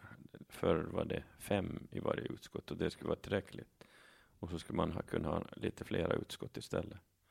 Man har ju tagit bort justeringsutskottet till exempel. Ja, nej, men det behöver inte vara kanske, men men jag tycker lagutskottet skulle vara ett skilt utskott och kulturutskott är ett och så skulle man haft ett förr fanns det ett lag och ekonomiutskott och eh, och det tror jag att man skulle borde föra tillbaks för, för nu har finansutskottet för mycket att göra till exempel. Så att, så att det, och då skulle flera kunna delta. Jag menar, det räcker med fem. Det är ingen av bättre kvalitet för att det sitter sju i ett utskott, tvärtom. V- vem är det som bestämmer? Är det lagtinget Det är lagtinget, själv, det är lagtinget själv som ska bestämma om man vill ändra på de här. Och krävs det eh, enkel eller kvalificerad majoritet? Ja, I de här frågorna brukar man väl försöka vara så eniga som möjligt när man, man gör de ändringarna. De har gjort det för ett antal år sedan. Jag var inte med när de ändrade för jag skulle inte ha varit för det. då. För, för jag, jag vill minnas att, att Folke Sjölund pratade sig varm för justeringsutskottet. Han menar att det var ett mycket viktigt utskott för kvalitet, kvalitetens skull. Ja, men justeringsutskottet kan inte göra annat än göra bara vissa formella ändringar. Själv suttit som ordförande där. Så, men... För nu är det väl justeringsutskottets uppgift var väl att, att kolla på själva kvaliteten av texterna? Jo, men man kan inte gå in och ändra texten, eller, utan det är bara det att det inte är något stavfel eller något okay. liknande. Så. Och, tror... och, och, nu sköter tjänstemännen det, så att till den delen skulle jag säga att det inte försämras, utan vad man borde titta på är att när landskapsregeringen av, eller skickar ett lagförslag till lagtinget så borde det finnas lagråd, eller det fanns laggranskningsnämnd som det hette förut. Det finns faktiskt i lagstiftning om det, men den är inte tillsatt alls. Varför har man inte tillsatt det då? Nej, den frågan skulle fråga regeringen. Det, mm. det, tycker jag skulle vara det viktigaste, för då skulle man granska det och säga att vad håller ni på med? Det här är inte bra. För nu under den här perioden, det, det faller lite, eller faller för många lagar i, i högsta mm. domstolen som, som presidenten sen har fällt. Och då tar man alltså i ett, i, i ett lagråd så har man då välrenommerade juridiska eh, personer som har jobbat länge med att tolka lagar som sen då får sitta och granska och ge en rekommendation. Exakt, det är så det ska göra. Jag menar, vi har ganska många som är pensionerade jurister som säkert skulle åta sig det uppdraget. Typ Gunnar Jansson? Ja, och sen har vi gamla lagberedningschefen Christer Jansson och numera går också nuvarande lagberedningschef Lars Karlsson i, i pension. Jag tror att han också skulle kunna tänka sig att ha det som ge, sitta med en sån där laggranskningsnämnd. Jag vet inte, men det är ju ett exempel på namn som jag tycker ska vara enormt bra. Mm. Ja, det låter ju inte som en, en dum grej. Då kanske man skulle undvika onödiga sågningar i Högsta domstolen. Ja, samtidigt så tror jag att de också kanske skulle kunna ge en hint till landskapsregeringen att, att är det så förnuftigt att föra fram det lagförslaget och så vidare. Mm. Jag tror att det skulle vara en bra återkoppling för landskapsregeringen. Jag menar, nu tror jag att man inte diskuterar lagstiftningen på samma sätt som man gjorde förr när hela lag, vad ska vi säga, hela landskapsstyrelsen, landskapsregeringen läste lagarna. Nu gör man inte det längre. Utan det är en minister som gör det. All, hela landskapsregeringen vet inte vad det handlar om. Mm. Och vad har du för politiska förebilder då? Jag vill väl inte säga något nu. Det där är en svår fråga. Jag har fått den förut. Så det, jag vill, nej, jag har. Det är så många man har. Du ser dig själv i spegeln? Alltså. Nej, man, man har så, det finns så många. Det är fel att nämna någon speciell. Men det, det finns ju många duktiga människor runt om i världen. Mm. Men när, när, du började med politik, var, fanns det några ikoniska ålänningar som var aktiva då? Jag tänker på typ eh, Julius Sundblom och, och de gängen. Hade de, hade de dött bort då eller var de? Jo, nej, de fanns ju inte om. Eh, efteråt ser man ju alltid upp till dem som kämpar för Åland och kämpar för att vi ska få tillhöra Sverige. Jag menar, det är ett, jag menar, det är ett enormt jobb de gjorde. Mm. Och där har vi ju mycket att göra nu. Jag menar, Åland har ju fått sin självstyrelse så, så långt som vi kan utveckla den utan att vara en självständig stat. Det är ju Finland lovat oss och, och, och, det måste vi hela tiden jobba med. Men jag är glad för, det måste jag säga, att enigheten till den delen inom landskapspolitiken har varit enormt som jag inte upplevt förut under den här perioden. När det kommer till självstyrelsereformen? Ja, när det gäller utvecklingen av självstyrelsen. Alla, alla partier har varit för att utveckla självstyrelsen. Så det har inte varit så vanligt förut. Jag menar, Socialdemokraterna och Liberalerna har inte varit så positiva som de har varit nu. Mm. Och, och vilket parti, om du, skulle, om du skulle stoppa ihop en regering, säg att du skulle bli regeringssonderare, vilka, vilka skulle du bjuda in då? Ja, no, främst är det ju de i oppositionen, det, det är Centern och Ålands framtid och sen beroende, beroende på hur många mandat vi har då. Skulle du kunna tänka dig att, att jobba med Stefan Toivonen? Jag har ingenting emot Stefan Toivonen, har många fördelar. Jag menar, han har fått kanske lite felaktigt renommé för, för hans åsikter så man kanske klandrar på fel sätt. Men jag menar, han har en ekonomisk och analytisk förmåga som skulle jag säga varit till gagn i, i lagtingen att ta fram det. Men han får politikern kanske tänka på lite annat sätt också. Jag menar, han vågar ifrågasätta och det, det tycker jag varit till fördel i lagtingsarbetet. Mm. Vad tycker du om hans, den här insändaren han och, och HDs insändare nu i veckan där de, där de vill granska bakgrunden, alltså etnisk bakgrund på de som eh, begår sexuellt kränkande gärningar i skolvärlden. Jag har faktiskt inte läst den insändaren. Jag har nog valt att inte se alla de här politiska insändarna, så därför kan jag inte uttala mig om den överhuvudtaget heller. Menar, det är fel. För, för det jag tänker på är att många, många partier är öppna med att de vill inte samarbeta med Stefan Toivonen Åländsk demokrati för att de enligt dem då är rasistiska. Ser du det på samma sätt? Nej, jag, jag ser det inte på samma sätt. Man måste se till sakfrågor. Jag menar, vad, i vilket sammanhang är de det och i vilket sammanhang är de inte? Jag menar, ta ner frågorna på den nivå som vi behandlar dem och se sakfrågorna när man beslutar i olika frågor. Mm. Jag menar, man ska inte bedöma någon människa bara för att man har en åsikt i en viss som du inte håller med om. Eller, ja, med ekonomiska frågor så är det ju helt annat igen. Så, att, jag menar, mm. så ser jag det. Jag menar, det man, man, med alla människor, jag vill aldrig klanka ner på människor för någon åsikts skull. Eller. Du ska ha rätt i din åsikt. Mm. Det är det som är där låter, du, där låter du väldigt liberal. Ja, visst. Det, det. det har jag ingenting emot. Nej, precis. Så jag menar, att man ska högakta allas åsikter så länge de håller sig inom lagens ram. Så. Så du skulle, kunna, skulle du ändå kunna tänka dig att om, om det var en person till som behövdes ett mandat till för att du skulle kunna bilda en regering och det skulle vara Stefan Toivonen och han sa att han ville bli kansliminister. Skulle du tacka ja då?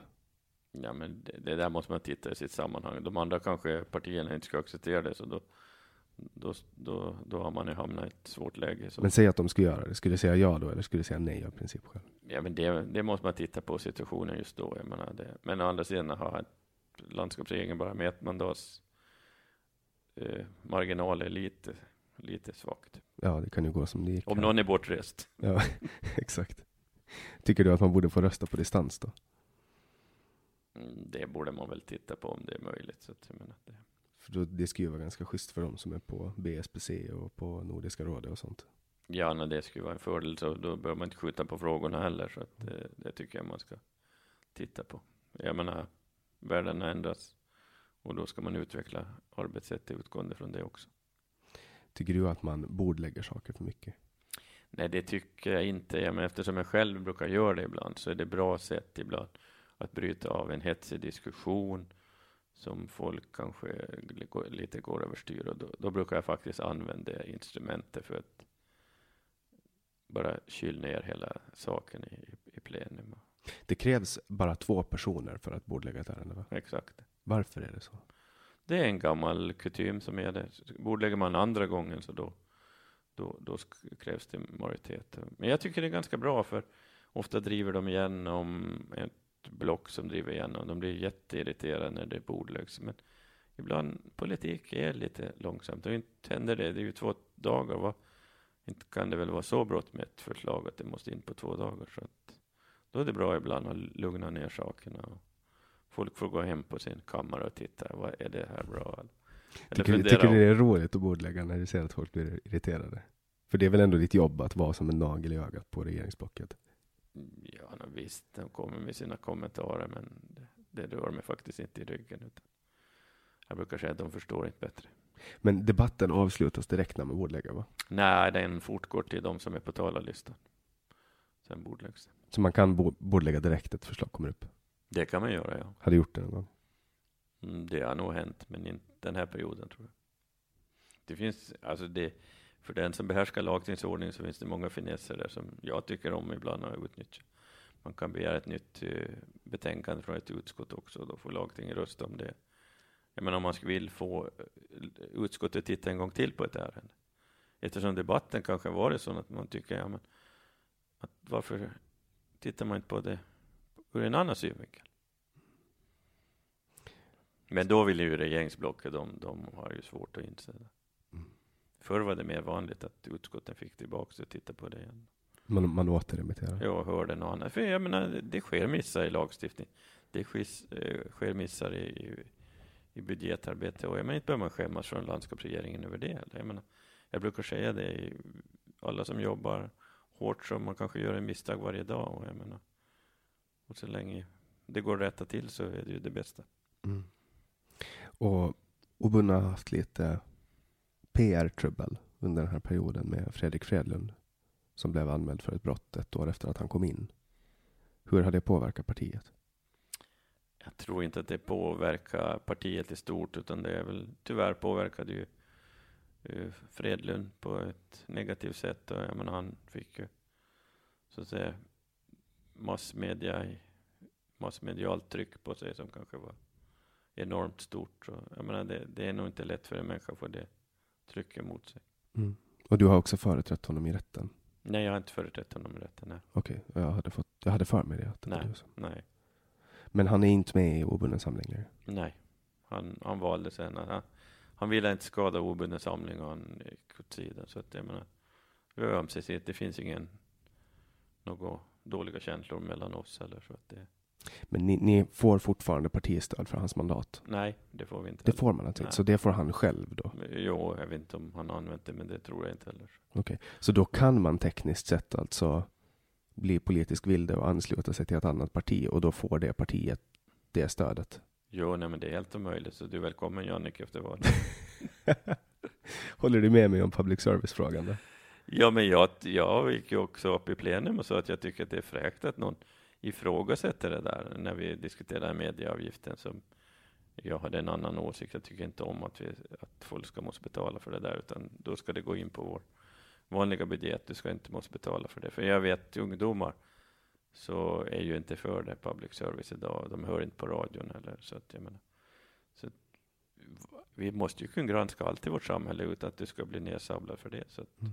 du hade all rätt att ifrågasätta det där och jag tycker att det ett fräscht sätt och det får ju folk att lite fundera också. Har du någonsin varit med om att man har pratat om en frånvarande person så där i lagtinget? Eh, det sker nu och då, men att det, det är ju inte direkt tillåtligt att man ska göra det. Så det kan man få någon konsekvens för det? Eh, man får ju en tillsägelse i plenum och det skedde väl också mm. i det fallet när det berörde dig. Så att det, det ska man inte göra. utan jag blev ju rekommenderad att eh, polisanmäla det här. Alltså polisanmäla Harry Jansson och Sara Kemmeter och Tony Wikström. Tror du att det skulle ha gått under lagen om förtal? Eller det finns väl inte förtal här, men det är väl ärekränkning? Som, som det är svårt. Jag ska inte sitta som åklagare och döma det om de ska väcka åtal eller inte. Jag tror att det inte har blivit någonting. Så att... Nej, det tror inte jag heller. Så det var smart av dig att inte göra det. Nej, det är så, man ska, jag tror inte att det är inte så bra att man ser ut som ett offer. Nej, nej, i synnerhet när du är politiker själv, för mm. då är ju den här ribban mycket högre. Det, ja. Som politiker får man ta lite. Men jag klassas väl inte som, då, när före listorna var inlämnade, så klassas väl inte jag som offentlig person? Eh, nej, det borde du inte göra. Men, men eh, det, det tillkallar i alla fall en del uppmärksamhet och jag har eh, jag blev inbjuden i en, en, podcast i Sverige som är väldigt stor. Eh, så att eh, om jag kommer in, då kommer jag att bjuda Harry Jansson på en hejdundrande middag på någon av stans restauranger och tacka honom för draghjälpen. Nej, men så är det. Så där kan vara politisk draghjälp som man får helt oväntat och det kan ju vara till ens fördel. Mm. Vad tyckte du om den debatten då, när de stod där och jämförde mig med Viktor Orbán? Nej, jag tyckte att det var kanske inte under all kritik. Jag menar, det var... Men det visar ju hur stark du är i så fall, jag menar, om man är så rädd för det. Ja, det var ju inte första gången heller som det hände. Karina Altonen skrev om, om mig på sin blogg när jag var 16 år eh, och hade varit på en utfrågning i lagtinget där lagtinget bjöd in ungdomar som gick på gymnasiet för att ställa frågor om gymnasiereformen. Då, då skrev hon om mig på sin blogg efteråt och då satt ju hon i lagtinget. Så. Men jag tror att mycket, mycket av det här eh, agget är också nerärvt från min farfar Hasse Svensson. Så att det har liksom funnits lite konflikter där, speciellt mellan farfar och, och Harry Jansson de har ju haft sina offentliga strider om man säger så. Ja, precis. Men tycker att du behöver, ska lida för något sånt eller utan. Men det får man, det får man göra på Åland. ja, ja, lite svinn får man räkna med. ja. Nej, men det är väl så. Tidningarna, då, vad, vad, tycker du om det jag ser som att man har gått eh, ganska ideologiskt isär och bekänt färg, Ålandstidningen och Nya Åland. Tycker du det är bra eller dåligt? Ja, det är ju, hur, det är ju de tidningar som väljer själv sin väg och jag menar, när de har gjort det. Så att det, det är ju bra att de ger, bekänner färg, att var de står för. Det har de inte gjort förut, utan sagt att de var för en, en allsidig journalistisk bevakning. Så att jag menar det. Är du, eh, är, är du en läsare av båda tidningarna eller Eh, Jag läser båda tidningar, ja. lyssnar du på Ålands Radio?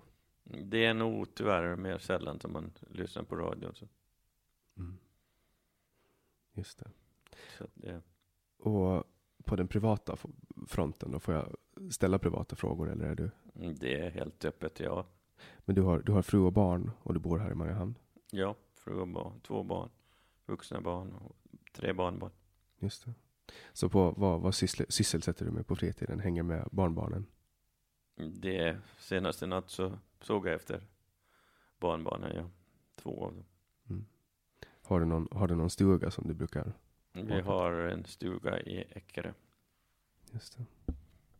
Och vad, vad gör du mera på fritiden? Har, har du något speciellt? För att jag tror att det är ju, folk vet inte vad du sysslar med därför att du har en Facebook så du lägger inte upp bilder på när du är ute med barnbarn eller med stu, på stugan eller någonting. Så jag tror att folk eh, kan vara ganska intresserade av, av vad du gör på fritiden. Ja, om, om jag har fritid över så spelar jag golf, annars tyvärr jobbar jag lite för mycket. Mm. Så då, då, då sitter du och åtar dig juridiska fall? Jo, och då sitter man ofta tyvärr helger på jobbet, för då får man fundera i lugn och ro. Mm. Och, och när, när du får ett- ett fall, då, hur, hur går det till? Alltså du, du läser igenom alla undersökningar, förundersökningar och förhör och sen liksom kan du beskriva den processen, den juridiska processen? Först träffar man ju klienten och går igenom vad problemet är. Sen, om vi tar ett åtal då, där åklagaren har väckt åtal mot någon för ett brott eller något annat och personen i fråga säger att nej, jag har inte gjort det här. Så då måste man ju vända på alla stenar och, och det är det, det är det som jag tycker är bäst om när man har olika saker som man kan riktigt gå i botten och när man vinner det till slut, då, då känner det är en härlig känsla. Mm. För många tror ju att, att ett jurist eller advokatarbete går ut på att stå och plädera i salen. Liksom.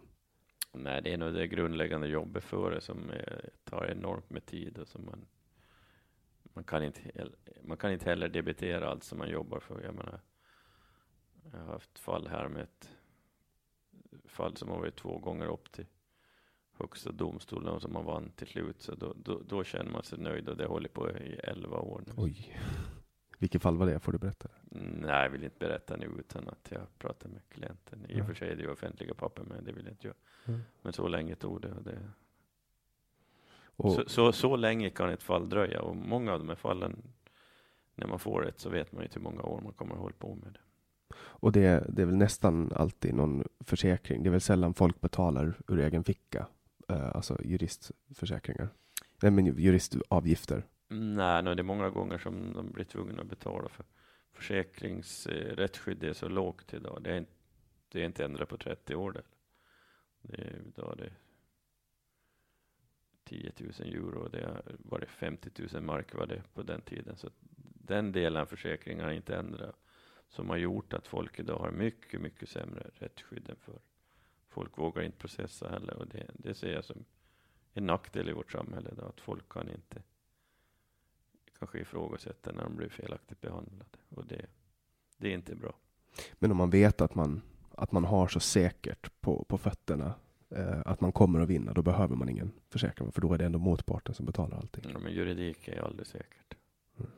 Annars skulle juridik vara enkelt. Mm. Det är därför det finns alltid två parter. Det kanske finns alltid någonting som inte, som inte håller till slut. Sen. Alltså civilprocesser, det, det bästa är ju om man kan förlikas där ingen blir nöjd, brukar jag säga. är alla halvnöjda så det är en bra förlikning. Vilket är ditt längsta fall som du håller på med längst? Och har du något som du håller på med längre än 11 år? Mm, nej, det är väl nog det som håller på längst, ska jag säga. Det. De fallen när de går till högsta domstolar som man vinner, så de brukar, de går nog på tio år. Då.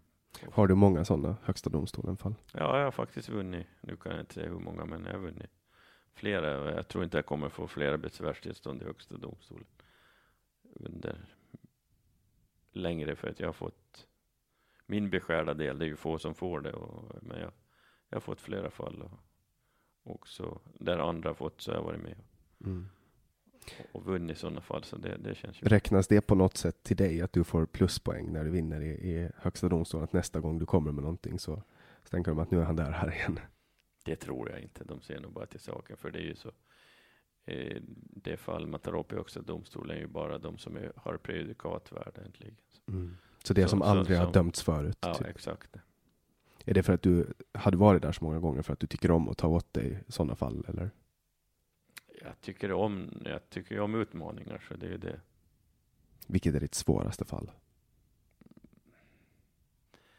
svåraste fall, det, det var ett, en, en whiplash-skada som, som var faktiskt svår och som, man, som har varit ovanlig att någon har vunnit. Så att jag vann det faktiskt i Högsta domstolen 2008. Och då skedde faktiskt en förändring i Finland på de skadorna som inte har förekommit tidigare. Och där har jag fått tack faktiskt av jurister i, i Finland som har sagt att det där var det som bröt isen. Så när man gör ett sånt prejudicerande fall så kan man gå tillbaks och korrigera domar? Nej, det kan man inte göra. Utan de kanske kan få upp dem på nytt, men det är ju sällsynt. Men, men för framtiden så var det, det var trafikskador Mm. och mål. Och där bevisningen är för, för skyller man alltid på att det var degenerativa förändringar i din kropp, alltså åldersrelaterade förändringar i din kropp eller något sånt. Sånt förekommer ju idag också. Och, och där hade ju försäkringsbolagen ju starka ekonomiskt. Mm. Brukar du oftast eh, företräda folk som är åtalade eller de som... Det är nog mest de som är åtalade. Men det är ju både och också målsägande, de som blir misshandlade och sånt också. Mm. Vad tycker du är, är mest spännande? Då? Gärna det är de som är åtalade, för är de målsägande så är det ju åklagaren som har väckt åtal. Så att då, då håller man ju oftast med, med åklagaren i, i dem. Men där och kanske man måste utreda mera också. Så att de får sitt skadestånd och annat. Det kan ju vara svåra skador som folk råkar ut för. Men tack och lov har vi ganska det är inte så svåra brott på Åland. Det händer, men det är inte så ofta. Jag menar, jag har ju nog varit med om, om mord och dråp och sånt också. De är ju inte trevliga. Så då måste du sitta och, och kolla på bilder på kroppar och sånt och blodstänk och mordvapen när du gör din, förund- alltså när du gör din inläsning. Jo, så är det. Man måste säga som så också under årens lopp så är nog många tårar som har runnit ner för ens kind också när man har haft olika mål. Så det är inte lätt att vara jurist alla gånger i, i de här målen. Och svårt också i rätten när man är där. Vad är det värsta du har varit med om då? Ja, men det är just det när brott mot liv, det, det är alltid svårt. Det, det, det är jobbigt. Och våldtäkter också, det är inga något trevliga saker. Ja, att få, få liksom vara med och se allt spelas upp på nytt liksom. Jo, jag menar när folk blir drabbade. Och i synnerhet om barn blir drabbade, det är värst. Trafikolyckor och annat, om någon omkommer och så vidare. Och um, vad, är det som, vad är det som driver dig att, att jobba med lag? Jag skulle säga att det man får träffa folk och man får se utveckling i samhället. Och, och det är väl det som har varit inspirerande på, på många sätt. Har du någonsin drivit ett fall som har berört en lag som du själv har varit delaktig i att stifta? Mm, jo, det är ju hänt i landskapslagar. Och hur, hur känns det? Då kan ju du de lagarna utan och innan. Ja, men det har ju varit intressant för då vet man vad som var tanken bakom. Så att det, det har man ju haft nytta av faktiskt. För det är väl alltid en, en, en liten diskrepans mellan hur lagstiftaren tänker att det ska vara och sen hur det verkligen döms efter. Mm, det, så är det ju. Och ofta kanske inte lag... Den som dömer förarbetena kanske varit bristfälliga också. Så att där är det viktigt vad det står också i motiveringarna till, i lagstiftningen, hur man har tänkt. Mm. Och sen att lagstiftningen är så klar och tydlig som möjligt. Så det, Mm. Och, och hur är det med, för att när man skriver en lag, då skriver man väl också någon form av förordning, praxis, så att den som verkställer lagen ska veta hur de ska verkställa lagen. Nej, äntligen är det ju, det ska stå i lagen och i förarbetet till den. Alltså, landskapsregeringen kan göra en förordning, men den måste bygga på lag. Mm. Och jag menar i riket så är det ju då statsrådet som ger en förordning. Men, men lagen ska nog ge, ge alla riktlinjer. Varken landskapsregeringen eller statsrådet får gå in och ändra i själva andan och meningen. Hur gled du in på juridik från första början? Då? Jag tror att det kom, min far jobbade som inom polisyrket och han jobbade som länsman. Och sen var han också politiker, så jag menar där har man drivit, så man har hamnat på den banan om man säger så. Vem var din far då? Gunnar Häggblom. Gunnar Hägglund. Satt han i, i landstinget? Han satt i landstinget, han satt i landskapsstyrelsen och han satt också i riksdagen. Okej, okej, okej. Då måste han ha varit... Vilka år satt han i riksdagen? Han eh, till 83, sen kom Gunnar Jansson. Okej, okej. Ja, Gunnar satt ju i 20 år. Jo, Och sen satt Roger Jansson i åtta år. nej fyra år. Fyra år. Han ställde inte upp, eh, Roger Jansson. Just det. Sen kom Elisabeth och- Vad, vad tycker du om, om nuvarande riksdagsman då, Mats Löfström? Ja, man är ung och energisk så att det, det, är, ju, det är ju jättebra. Tror du han är ministermaterial? En ålänning har ju aldrig blivit minister så att han har, Gunnar Jansson sa alltid att det fanns ett Ålands handikapp där. Och frågan är om han inte har samma handikapp. Mm. Ta- Tar man in en, om det skulle bli så att, att en ålänning blir minister, ska man ta in en ersättare då? Nej, i finska riksdagen, om du är minister så sitter du också kvar i riksdagen. Så man röstar i Nej, riksdagen som Man- statsråd? Ja, ja. Och det skulle jag vilja få infört igen här i landskapet. Vi skulle spara en, åtminstone en halv miljon om och få bort det ersättarsystem i lagting. Jag tycker inte att, det, att vi skulle borde ha det. Hur kom det till från början? Ja, det är lex Gunnar det. Det var min far som satt i både och och då ville andra politiker tyckte han hade för stor makt så därför införde man det. Okej. Så, eh, Så det var 1975 som den kom. och, men men då, då, då skulle man alltså, hur skulle det bli i praktiken? Då skulle det vara alltså inga ersättare och så skulle det vara alla ministrar satt och rösta i lagtinget. Mm. Så, så man skulle liksom vara på dubbla stolar. Exakt. Man skulle, men man skulle inte sitta med i utskotten. Nej, de brukar inte sitta, nej, de skulle inte sitta i utskottet. Nej. För det känns ju, alltså så här, det känns ju lite konstigt för mig att hö, höra en sån grej. Nej, varför är det så konstigt? Idag sitter de här ersättarna och rö- röstar precis som regeringen säger. Och problemet är att de vågar inte gå utanför. Skulle de ministrarna vara då i lagtinget kanske det skulle finnas öppningar, kanske var lite mer vidsynthet. Men idag vågar ju ersättare inte göra någonting för de är rädda för att, att ministern faller och då åker de ut. Så att det, Mm. det, skulle vara en, det skulle vara ett tryggare sätt, skulle jag säga. Ja. För ehm, ministrarna är inte alltid på plenum. Nej, det är de inte. Och de förväntas inte vara det heller. Nej, det gör man ju inte heller. Menar, om det inte är något, att det berör den ministern. Så. Vilken ministerpost skulle du helst ha? Det spelar nog faktiskt ingen större roll, ska jag säga. Alla har ju sina fördelar, ska jag säga. Så du har inga ämnen som du brinner extra mycket för? Jag brinner för alla ämnen. Tycker du att vi ska skjuta havsörn? Äh, alltså, vi, det hörs ju enkelt om man ska göra det. Alltså, vi har ju för många havsörnar, men jag menar hur vi ska komma till inför vi jakt så får vi en enormt eh, det strider mot fågeldirektiv och jag tror inte att med tanke på vårjakten så måste vi fundera hur vi ska komma åt det.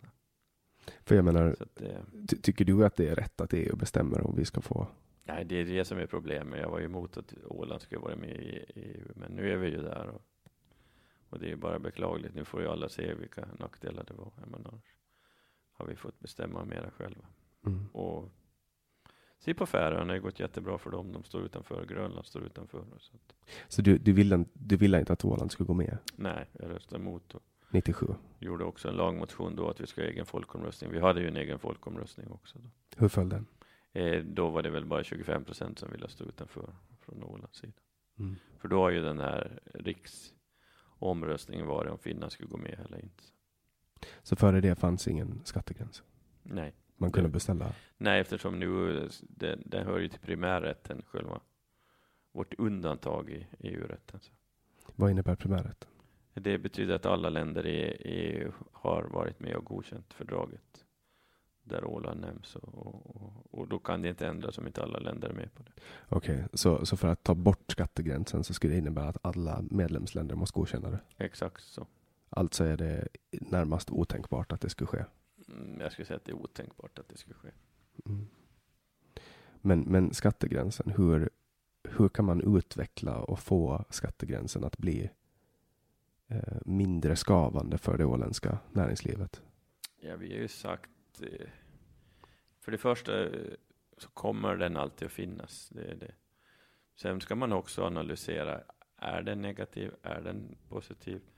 Skulle den vara öppen så kanske det drabbar våra småföretagare mera. Det kom in andra företag till Åland och, och slagit sönder dem före. Så till viss del hade det ju också varit skydd för de åländska företagen. Så att, men vi har ju sagt att man kunde införa i, nu till val har vi sagt att man ska ha handelshus både i Sverige och Finland. Där du som enskild medborgare skulle kunna beställa dina varor dit. Och är du företagare på Åland och vill exportera så skulle du kunna ha ett handelshus som eh, landskapsregeringen står bakom och, och ser till att de här byråkratiska... De skulle ja, vara speditörer då? Ja, precis det och hjälpa till. Mm. Jag menar, det, det tror jag skulle vara ett bra sätt. för vi får inte glömma bort att utan skatteundantaget skulle vi inte ha den trafik vi har till Åland idag. Och det, det är jätteviktigt för vår turism att vi får hit folk. Jag menar, turismen är ju en basnäring för oss. Så Men vi hade taxfree försäljning före skatteundantaget va? Mm, det hade vi ju. Men den skulle hamna bort precis som man har uppe i Vasatrafiken idag. Den, den skulle inte fungera om inte Sverige, Sverige och Finland, staten skulle gå in med pengar där. Mm. Så att vi skulle nog vara en mycket svår sits om vi inte skulle haft det skatteundantaget. Mm. Så att det... Men, men hur, hur, det måste ju ha varit en politisk turbulent tid eh, där 97 att gå med i EU. Det var väl EMU först som, som man gick med i sen Europeiska unionen eller var man med i EMU? Hur funkar det? Nej, det var ESS som det var före då. Och sen, så, men det var ju när man gick in då 94 så, så var det omröstningar i de nordiska länderna. Skulle man ha börjat i Norge så tror jag att hela Norden skulle stått utanför, för Norge röstade ju emot sen. Mm. Jag menar, det var ju ganska nära i Finland också. Jag menar, det var 48-52 eller något sånt om jag kommer ihåg rätt. Så att inte var det några stora skillnader och jag menar, att ta ett sådant stort steg. Så att det, det har ju gått bra för Norge. Ja, Norge har klarat sig jättebra. Så att jag, det var ju synd i tiden att det inte blev det som heter Nordek, alltså att de nordiska länderna skulle gå ihop och bilda en union. Och det var ju, lång, det var ju före EU var aktuellt. Och, men då var ju Finland rädda för Ryssland igen, så att det är den känslan som alltid funnits. En sån nordisk federation har ju varit som förslag uppe på ungdomens nordiska råd i flera omgångar. Man har pratat om det ganska länge och jag tror att det även har varit uppe i Nordiska rådet. Och, och det kanske skulle vara en, ett sätt att föra de nordiska länderna närmare för att det finns ju väldigt, väldigt mycket lika kultur på, på alla sätt. Liksom. Det är väl Finland som är en liten avvikare med sitt konstiga språk. Jag, jag tror att jag är, ju, jag är ingen förespråkare av EU och jag tror inte att det kommer att hålla. Jag sa då när man gick in att det kommer att hålla 30 år och nu visar det sig att det börjar med Brexit nu. De, Storbritannien går ut så, så är det ju första så att säga tegelstenen som faller. Och det är så stor skillnad på kulturer och annat i Europa. Man säger att det är ett fredsarbete. Som var, visst var det det, men jag, jag tror att det, det är stor skillnad mellan södra Europa och, och vi här i Norden. Vi ser på saker och ting på olika sätt. Så det kommer bli svårt att hålla ihop det. Ja, och sen det jag tycker med EU, att, att man, skulle, man skulle gott och väl kunna ta bort jordbrukspolitiken från EU. För att nu, nu ska liksom Tyskland och Frankrikes storskaliga jordbruk stå, stå som modell för våra småskaliga här. Och det blir ju inte bra. Nej, jag glömmer aldrig när vi var från ett utskott i, i i lagtingen ner till EU och det var en tjänsteman då som, som nog var från Åland sa ja, men det kommer inte vara några jordbruk norr om Danmark. Det är målsättningen det. Så att jag menar, där ser man ju vilken inställning man har från EU och ser man vilka som jobbar i EU så det är unga människor som, som inte kanske ser den här erfarenheten gammalt men det, det tror jag man har satt i, i system helt enkelt. Man vill ha unga människor som man kan påverka som tjänstemän där och göra lagstiftning. Surt för folk här i Norden. Tycker du att Åland borde ha en egen plats i EU-parlamentet? Ja, det skulle vara en självklarhet. Och, och det, skulle, det vill jag påstå att vi skulle haft om vi skulle varit tuffa i förhandlingarna från början. Vi har alltid varit när det gällt sen lite för veka. Och nu är det alltså då Finland som måste varsko en plats åt oss för att vi ska få en? Nej, men så är det och Finland vi ska komma ihåg att finska politiker tycker att Åland lite, det är 20 000 människor, inte, inte bryr man sig om det. Därför ska vi inte vara rädda heller och tro att Finland bryr sig så mycket i riksdagen om Åland. Om Sannfinnarna skäller på Åland. Och det, man, man, ser oss som en liten kommun i Finland. Och, och, och, det är det vi har att kämpa emot när vi ska få, få våra rättigheter också. Tycker du att vi ska tillhöra Sverige? Ja, inte idag, men jag skulle inte vilja ha det Sverige som är idag. Eller jag menar det, för mig är Sverige en mycket svår situation. Alltså, med deras invandring och integration har ju misslyckats totalt och jag hoppas inte. Där har vi en utmaning att vi inte får sprida sig till Åland. För, för det är väl allt det är väl på Finlands bord egentligen. Det är väl upp till dem att bestämma hur, hur vår in, invandring ser ut. Ja, men så är det. Men det är ju här också att vi inte då tar in utan jag tycker att ska man hjälpa folk så ska man hjälpa dem deras hemländer. Och, vi ska vara försiktiga och, och, och, ta hit. Jag menar, många kanske säger att ja, men vi måste ju öppna våra hjärtan och så vidare. Men jag tror att det är viktigt att kallt huvud, och stort hjärta och då tror jag att vi kan hjälpa folk i deras närområden istället. Det är det som är det viktiga. För det, det är svårt att ta hit. Ja, men det, det blir kollisioner och, och, det är inte lätt för de ungdomarna som växer upp i vårt samhälle. Eller? Tycker du att det ska finnas viss flyktingmottagning då? Eller ska den strypas eh, Under den här kommande mandatperioden så tycker jag att Ålandska kommuner inte borde ta emot fler kvotflyktingar utan se till att de som man har nu tagit emot att de får integreras. Vi har enorm invandring till Åland och som kan skapa problem. Det finns vissa indikationer redan, säger jag, mitt jobb som skapar lite oreda i vårt samhälle. Så vi, vi ska nog vara jätteförsiktiga. Vad är det för, för indikationer? Ja, men man hamnar fel. Det hamnar, barnen hamnar i, blir omhändertagna och annat. Det, det, det är familjeliven och det också inom brottsligheten. Så tar man folk utifrån så har de kontakter som kanske inte är bra med narkotika och annat också. Så att det, Men tänker du då på kvotflyktingar eller folk som flyttar in? Ja, det är ju, där ska jag inte säga att jag bedömer någon skydd, utan jag menar, när vi får folk in så, så kommer det också annat med. Det är inte bara de som jobbar. Sen måste vi också se till att de som kommer hit så lär sig svenska. Det systemet landskapsregeringen har nu, att du ska bli arbetslös förrän du får gå på gratis kurs i, i svenska, är ju helt förkastligt. Mm. Så folk slutar ju jobba idag och blir arbetslösa och så betalar samhället för det, för att de ska gå på svensk kurs. Och tvärtom ska du göra att du kan göra din svensk kurs på kvällen, men att samhället står för det och, och jobba och, och bidra till det samhälle där du bor. Mm. Ser du också de, um, alltså de entreprenör, entreprenöriella uh, idéerna och krafterna som, som också kan komma med, med inflyttning som, som någonting positivt? Ja, men det hade ju alltid varit. Jag menar, många har ju kommit hit och många av de så att säga, kvotflyktingar som kom tidigare har ju blivit entreprenörer. Det beror ju på vilka kulturer de kom ifrån också. Så att det... Men, men, det är ju de som kom då tidigare. Är det, är det någon kultur som är mindre passande i det här samhället än, än någon annan? Ja, men de som inte har samma grund som oss, värdegrund, så är det ju kan det vara svårt att komma in i vårt samhälle. Jag menar religiösa grunder och hedersvåld och så vidare. Så att, jag menar där, där är det, det är inga lätt för, för att komma och få en kulturkrock med oss och deras egen så att säga, kultur hemifrån. Mm. För, för viss kulturkrock leder ju även till integration. Det är väl det, alltså att man, man skaver mot varandra som gör att att integration, eh, in, in, integrationen blir möjlig. Jo, jo, men att där, där ska man, det måste alltid vara enormt balanserat. Mm. Jag menar, ser du på Sverige så är man ju inte alls balanserad. Jag skulle säga att det, det är oroväckande. Ni har ju troligtvis, eller Ålands troligtvis mest erfarna integrerare med i ert parti. Jag tänker på er partisekreterare Christian Wikström. Jo, han, han har ju erfarenhet. Han har jobbat i Sverige, så han, han vet han har, ju, han har jobbat länge med, med integration. Jo, så han vet vilka svårigheter det finns inom den delen. Så det... Mm. Har ni någon integrationspolitik i Obundna samling? Ja, det vet jag inte vad du lägger in i det ordet, så att, du får förklara det först.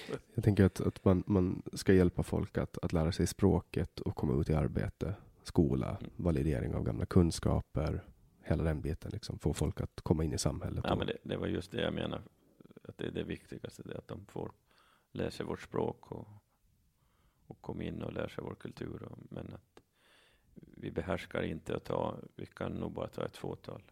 Mm. Och de som har kommit in nu, därför tycker jag att vi ska inte ha någon kvotflyktingar under de här kommande åren. Jag sa det redan i valdebatten inför förra valet, att jag anser att landsbygdskommuner inte ska ta någon kvotflyktingar, utan om någon ska ta. Och då hade ju Mariehamns stad beslutat under föregående eh, valperiod att ta in.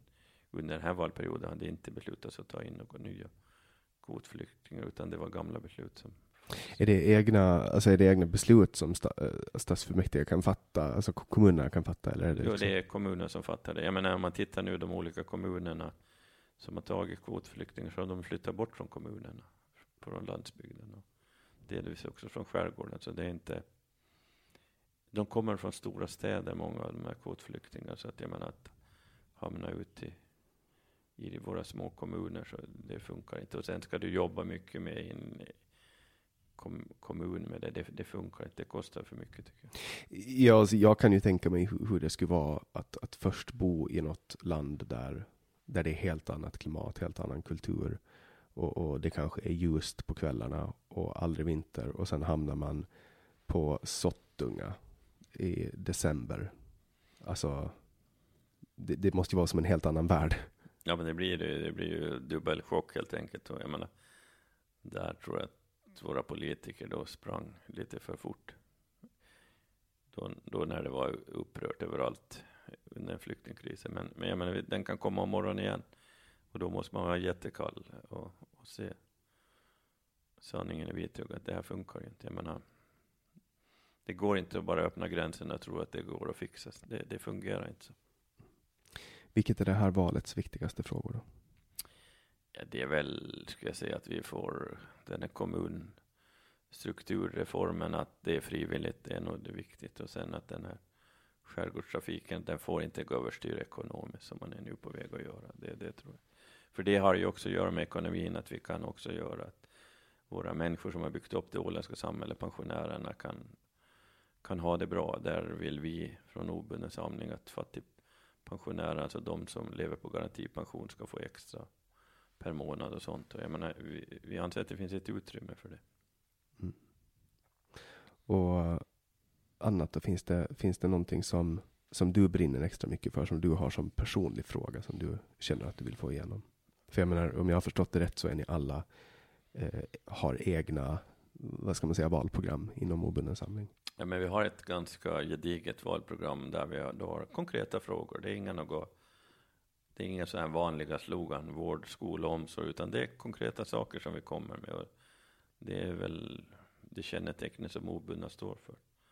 Och där är det ju då att, jag menar jag tog det här med de som är vikarieanställda inom vården då, jag menar som har varit tio år och inte får ett ordinarie tjänst, fast det inte finns någon vikarie som de vikarierar för. Så det är ju förkastligt. Jag menar, de människor kan inte låna pengar, de kan inte bygga bostäder och så vidare.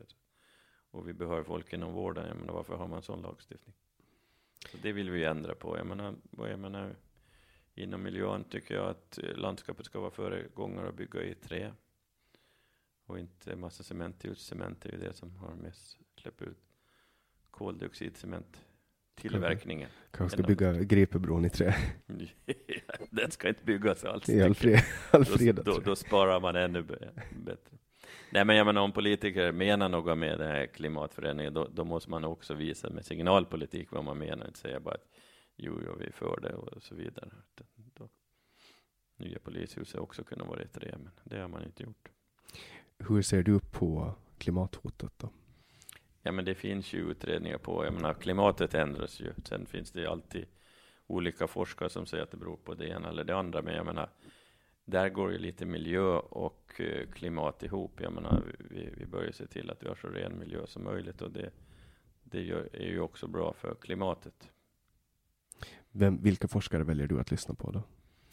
Eh, Jag menar, vi, man måste ju dra slutsatsen av, av, visst sker det ju en förändring och jag menar, kan vi förbättra där klimatet, hur mycket vi kan påverka det kanske, det kanske vi aldrig kommer att få facit på. Det kanske om 10 000 år som man vet facit på det. Och, och kan bedöma vad vi gjorde rätt eller fel. Men, men så som situationen är nu är den upassad. Och, och, men då måste man också visa politiskt och inte bara stå och säga att, att läpparnas bekännelse att vi gör det och det. Utan vi kan ju förbättra vad vi kan. Har du klimatångest? Nej, det har jag absolut inte. Det tror jag ingen ska gå och känna på det sättet. Skippar du flygningar? Nej, det gör jag inte. Jag menar, det, jag tycker att flygningen, flyget har vad är 2,5 procent av utsläppen. Du får rätta mig om jag har fel. Det var det lite olika nivåer i det där. Men jag menar till exempel mycket annat.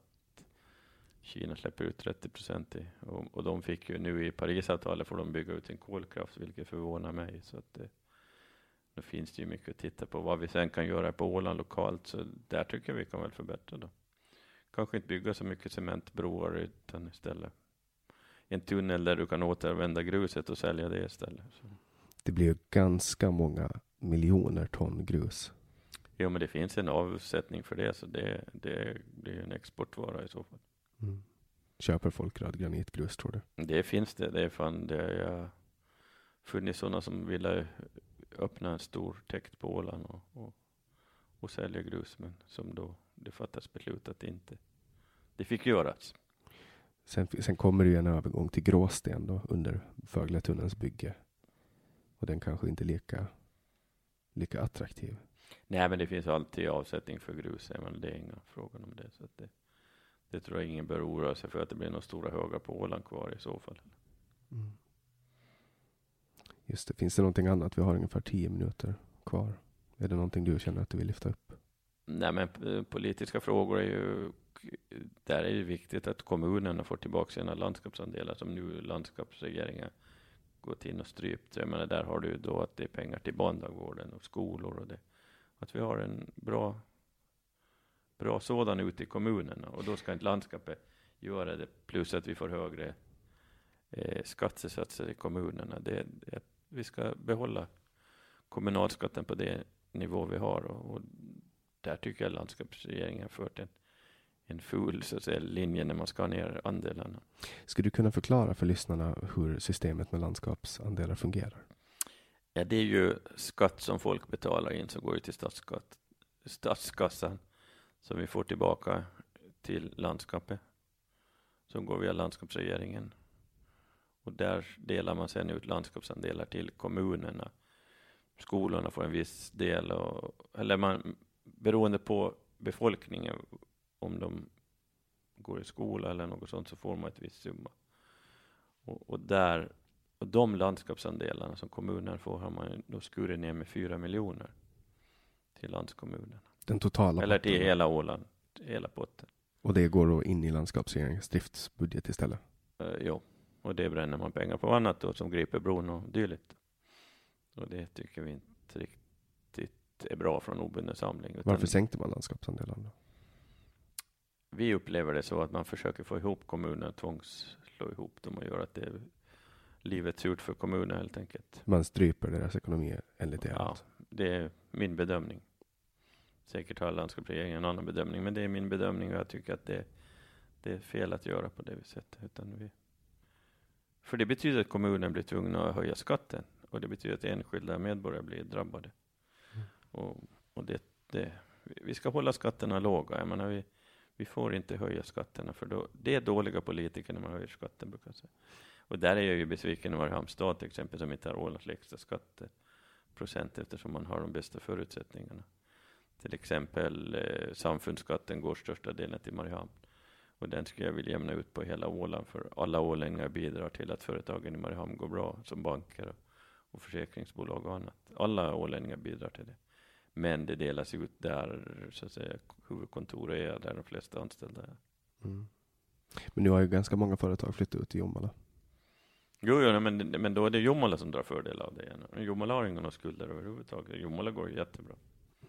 Så Jomala skulle kunna sänka sin skatt, men det har man gjort. Men man har ju den lägsta skatten på Åland där.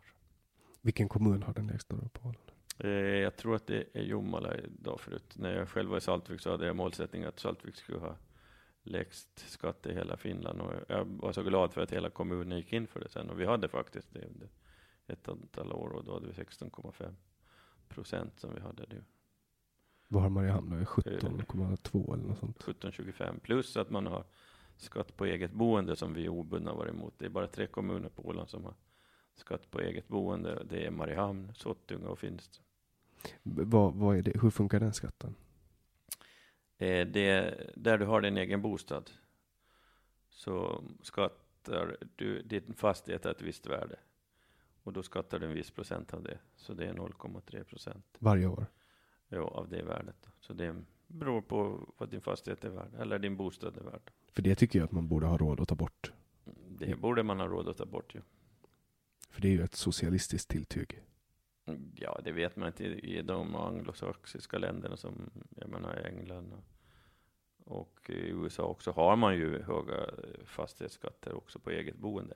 Men däremot har man ju då lägre skatt på dina inkomstskatter. Så, så där skulle man kunna ha skatteväxling, men man får inte göra som i Mariehamn, att man har hög, att man inte sänkte på den andra skatten när man införde den för, för ett antal år sedan. Det är inte så länge sedan man införde det i Mariehamn. Då ville man komma kom åt de som då inte bodde i stan, men, men det berör ju inte dem när det är eget boende.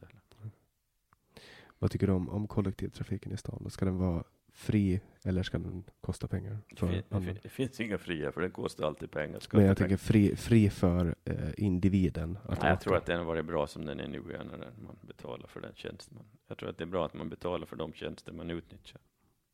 Har trafiken gått ner eller har människor slutat åka? Det tror jag nog. Att det minskar. Eller det är ju så. För det är ju, alltså jämför man med vad det kostar, alltså en enkel resa i Stockholm kostar ju 35 kronor och här kostar den 2 euro. Så att det är liksom, det är ju ganska stor skillnad på priserna. Jo, men här borde man ju titta på att uh, ungdomarna skulle kunna åka, skolelever borde kunna åka gratis. Hela kollektivtrafiken på Åland borde de kunna utnyttja bättre. Mm. Jag tror att framtiden kommer att Eh, att föra med sig autonoma fordonsflottor som kommer att, att vara säkrare i trafiken än vad någon människa är. Och då kommer man att lösa hela den biten med kollektivtrafik. Ja, jag tror att inom en snar framtid som man kanske inte kan spekulera i nu, men det kommer att ske stora förändringar här under 10-15 år. Det ska bli intressant att se för, utvecklingen det blir. För visst har ju Åland helt egen lagstiftning när det kommer till traf trafiklag? Mm, det är i stort sett problemet om vi tänker på om man skulle vilja fordons, fordon och det så har vi inte en beskattningen. Annars tror jag for, for, fordonsflotta, om vi kallar den för det i landskapet, skulle se annorlunda ut om vi skulle få ta bort då, de köp, som kör så att säga miljövänliga fordon så skulle man kunna ändra på det. Mm. Vad tycker du om, om elbilssubventioner? De är ju bra, men man ska, inte, man ska inte glömma bort att elbilarna också, när man producerar dem, så är inte så alla gånger så miljövänliga. Så det där är, det, det finns ju ingen, inget som är, vad ska man säga, klart på den sidan heller. Utan det har negativt på något annat håll när man tillverkar batterier och bilar och så vidare. Ja, och de utsläppen uppstår ju i andra delar av världen. Exakt. Men vill vi ha ren miljö här så är det ju då är det ju positivt. Jag menar, ju mindre utsläpp vi har här lokalt så vad är bättre än det för våra vattendrag och för oss människor och, och det. Så därför så tycker jag vi ska bygga ut den. Vi ska bygga ut vindkraften. Vi ska också ge stöd för solenergi så folk kan ha det. Ska vi bygga ut vindkraften även om den inte är lönsam? Ja, det är ju hur man ser på lönsamheten där. Det, det beror på vilken åsikt man har där. Ser man det som lönsamt att vi skapar vår egen energi, vi betalar inte pengar ut från landskapet så då är den ju lönsam på det sättet. För idag köper vi energi utifrån. Ska vi inte kunna smälla upp ett kärnkraftverk i, i norra Geta då? Ja, no, den tanken har väl slagit mig också. Så att den är väl inte helt, men jag tror det finns nog inget stöd för det i landskapet Åland heller. Så att det, det, det, den, jag tror att vi får glömma det. har man funderat på kärnkraft på Åland? Nej, det har nog aldrig varit politiskt diskussion. För om man vill ha ren energi så är det ju det man ska köra på. Jo, men det, Åland har varit ganska hårda emot det eftersom man har varit emot de här, eh, vad ska man säga, eh, de kärnkraftverk som vi har runt om oss. Uppbevaringsanläggningen och sånt. Men du är för kärnkraft? Eh, jag har inte, jag har inte haft anledning att, att, att rösta emot. Vi har inte haft den omröstningen här. Åland har väl i och för sig varit ganska negativ emot det. Men, men det är ju ingen politisk fråga som är på dagordningen. Problemet är ju avfallet där som har varit som ett problem. Men annars ska man ju vara ärlig och säga att det är den renaste, Ja, renaste så som produceras, men inte beträffande avfallet som är ett stort problem. Ja, för idag har man ju liksom tagit fram kärnkraftreaktorer som kan gå på avfall. Att du kan ta ut avfall igen och så kan du använda det på nytt. Liksom. Att tekniken förbättras ju hela tiden. Jag tror att när man håller på stävjar kärnkraft som faktiskt är en av de absolut bästa uppfinningarna i modern historia så stoppar man också den uppfinningsrikedom som, som kan leda till att kärnkraften en dag blir helt ja, men, fusionsdriven. Man kan liksom jag tror inte att att man ska vara så rädd för, för uppfinningar som man är. Nej, vi ska ju komma ihåg det Miljöpartiet i Finland satt väl i regeringen när man beslutade det senaste kärnkraftverket. Mm. Ja, jag tycker det Nu, är, nu vågar jag inte säga om de gick ur regeringen då, men att de satt i, i, i varje fall med. jag, tycker, jag tycker att kärnkraft i allmänhet är, är någonting positivt. Alltså, de är så otroligt säkra idag och sen får använder ju också folk Tjernobyl som ett argument för att gå emot det, men det är helt olika konstruktioner på, på de reaktorer som används här idag och de som användes där och då. Det var ju något ryskt eh, hemmameck liksom. Jo, men man får aldrig glömma bort att det, med all verksamhet så finns det alltid risker, någonting som går snett. Det finns materialutmattningar och annat. Så helt säkert är det ju inte. Utan, Nej, men du vet, det, det, finns ju, det finns ju liksom kärnkraftsubåtar som sneglar runt i Östersjön och det finns eh, eller kärnkraft, kärnvapenubåtar och så finns det kärnvapen i Ryssland och liksom, det finns ju runt om oss. Och jag tror att det är större sannolikhet att något misstag skulle ske kring det än att, än att eh, ett högsofistikerat, högteknologiskt kärnkraftverk på våra breddgrader skulle åka ut för en olycka. ja, det är ju större risk att ett flyg med, med kärnstridsspetsar störtar nära oss eller något sånt. Så, att det, så är läget och det är ju inte bra i Östersjön idag. Nej, och det finns ju en... Vad tror du om, om hotet från Ryssland då? jag tror att det, så länge man kan ha dialoger och diskutera, jag tycker att man har diskuterat för lite diplomati under de senaste åren. Där måste man väl säga att Niinistö har varit duktig i varje fall som, som försöker. Men jag tycker Sverige har haft för hård linje mot Ryssland, men, men där visar Niinistö vägen i varje fall. Och det är den vägen man, man ska diskutera med alla och det, och då, då hålls läget lugnt också tror jag. Det är för många som bröstar upp sig militärt nu tror jag. De vill köra upp sina försvarsanslag överallt i världen. Så att det, vi ska komma ihåg att det är en stor eh, förs, eh, krigsindustri som ligger bakom. Som ofta också bakgrunden till att USA måste starta krig för att de måste testa nya vapensystem och sånt. Jag menar, det är krasst så bara. Mm. Ekonomin som styr och det är beklagligt. Människor får lida däremellan. Ja, ja alltså Ryssland ehm, kan, kan ju ses som ett hot, men det är väldigt sällan som folk, eh, eller nu blir det ju vanligare och vanligare att folk säger att USA är ett hot, men, men jag menar, vi skulle ju hamna mitt emellan om det skulle bli ett krig mellan USA och Ryssland. Och det är lite läskigt, för vi är ju ganska nära Ryssland. Jag tror det kriget aldrig kommer att uppstå under vår livstid i varje fall. Det, Vi får verkligen hoppas på det. nej, men det beror ju på oss. Det. Vi får Mm. hjälpas åt att det inte blir. Ja, Vi får prata med båda parter. ja vi får eh, fredsförhandla. Exakt. Det var det inte snack om. Alltså det var ju det var ganska häftigt att, att Putin och, var det Putin och Trump som träffades i, i Helsingfors? Jo, jag ville ju att de skulle borde träffas på Åland. Det sa jag tidigt en gång. För att det skulle ge en enorm marknadsföring att de skulle träffas på Fredens öar. Jag menar det, där tror jag att vi borde kanske vara lite, försöka få sådana. Alltså vilket jävla säkerhetspådrag. Farmor var i Helsingfors när, när Putin kom dit och alltså den där karavanen av bilar. Alltså det är någonting i hästväg. Om man tycker att USA har mycket säkerhet kring presidenten så är det liksom ingenting jämfört med, med Ryssland. Nej, nej, men jag menar det skulle vara bra om de skulle komma hit till De ska, få, de ska få skeppa över typ 300 bilar eller något sånt. Det är bra för vårt turistanläggningar och andra anläggningar. Ja, det var ju, det var ju inte så tråkigt att, att Bill Clinton kom hit i somras. Nej, det var mycket starkt gjort av Anders Wiklöf och, och se till att den kom hit. Men det är jättebra marknadsföring för Åland. Var du och kollade på honom? Nej, jag var bortrest då.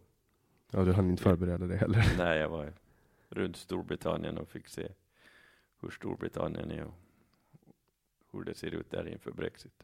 Mm. Vad lär du dig av det då? Nej, det fanns alltså orter där som, precis som Åland, där de hade före de gick in i EU också har så, att vem som helst inte fick köpa mark och det. Så det, det, var, det var en ny indikation där byar har blivit utsålda på grund av att de var fritt. Tyskar hade köpt upp marker så att, som måste stoppas sen. Så att eh, de fick, men det, den lagstiftningen kom ju då före EU-inträdet så att, så det är ju intressant. Att, det är ju bra att vi har våra jordförvärvsregler, att vi kan behålla åländsk mark i åländsk ägo. Och det, du vill att det ska fortsätta vara så? Ja, men det är ju det, för ja, men annars blir det som på Mallorca, att eh, lokalbefolkningen bor mitt på ön och, och alla andra bor längs kusten. Och det. Åland är inte Åland om vi inte behåller det här. Och näringsrätten, då ska den luckras upp? Nej, vi, vi ska ju vara jätteförsiktiga, för luckrar vi upp någonting så kommer vi aldrig gå tillbaka. Det, inom EU-rätten så är det stand still, alltså att går vi ruckar på det så får vi aldrig gå tillbaka. Är det så? Så är det, tyvärr. Varför? Ja, men regeln är så att jag menar, om vi har fått ett undantag och, och vi sen börjar ändra på det som vi har möjlighet att göra med vår egen lagstiftning så, så kan vi inte aldrig gå tillbaka. Så vi kan inte ens eh, på något sätt stipulera i lagen att vi vill att alltså, sätta det på en testperiod och att det automatiskt övergår tillbaka om det inte förlängs efter fem år eller något sånt? Det är nog risk för att det inte håller. Det är en intressant tanke du har. Jag satt och analyserade häromdagen och jag kan inte svara ja eller nej om det går att ha att man under en viss femårsperiod har en annan regelverk. Tror du att eh, du och jag kommer att bli kollegor efter den 20 oktober? Ja, men det hoppas jag ser fram emot. Va, vad tror du mina chanser är då?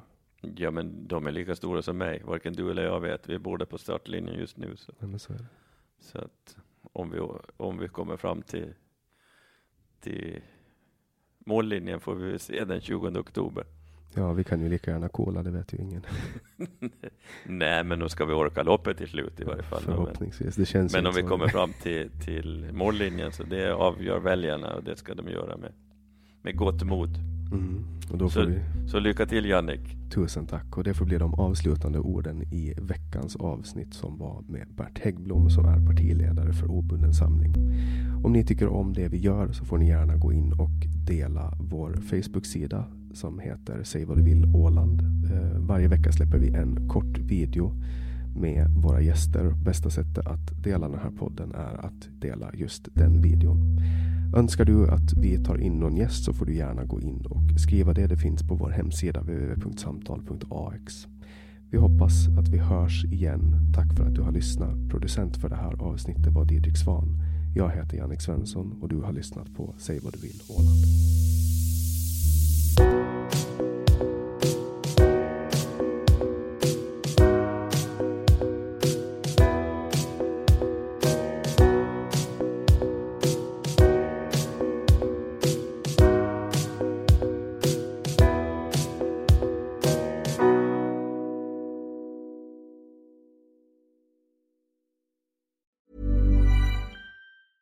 Even on a budget, quality is non-negotiable. That's why Quince is the place to score high-end essentials at 50 to 80% less than similar brands. Get your hands on buttery soft cashmere sweaters from just 60 bucks, Italian leather jackets, and so much more.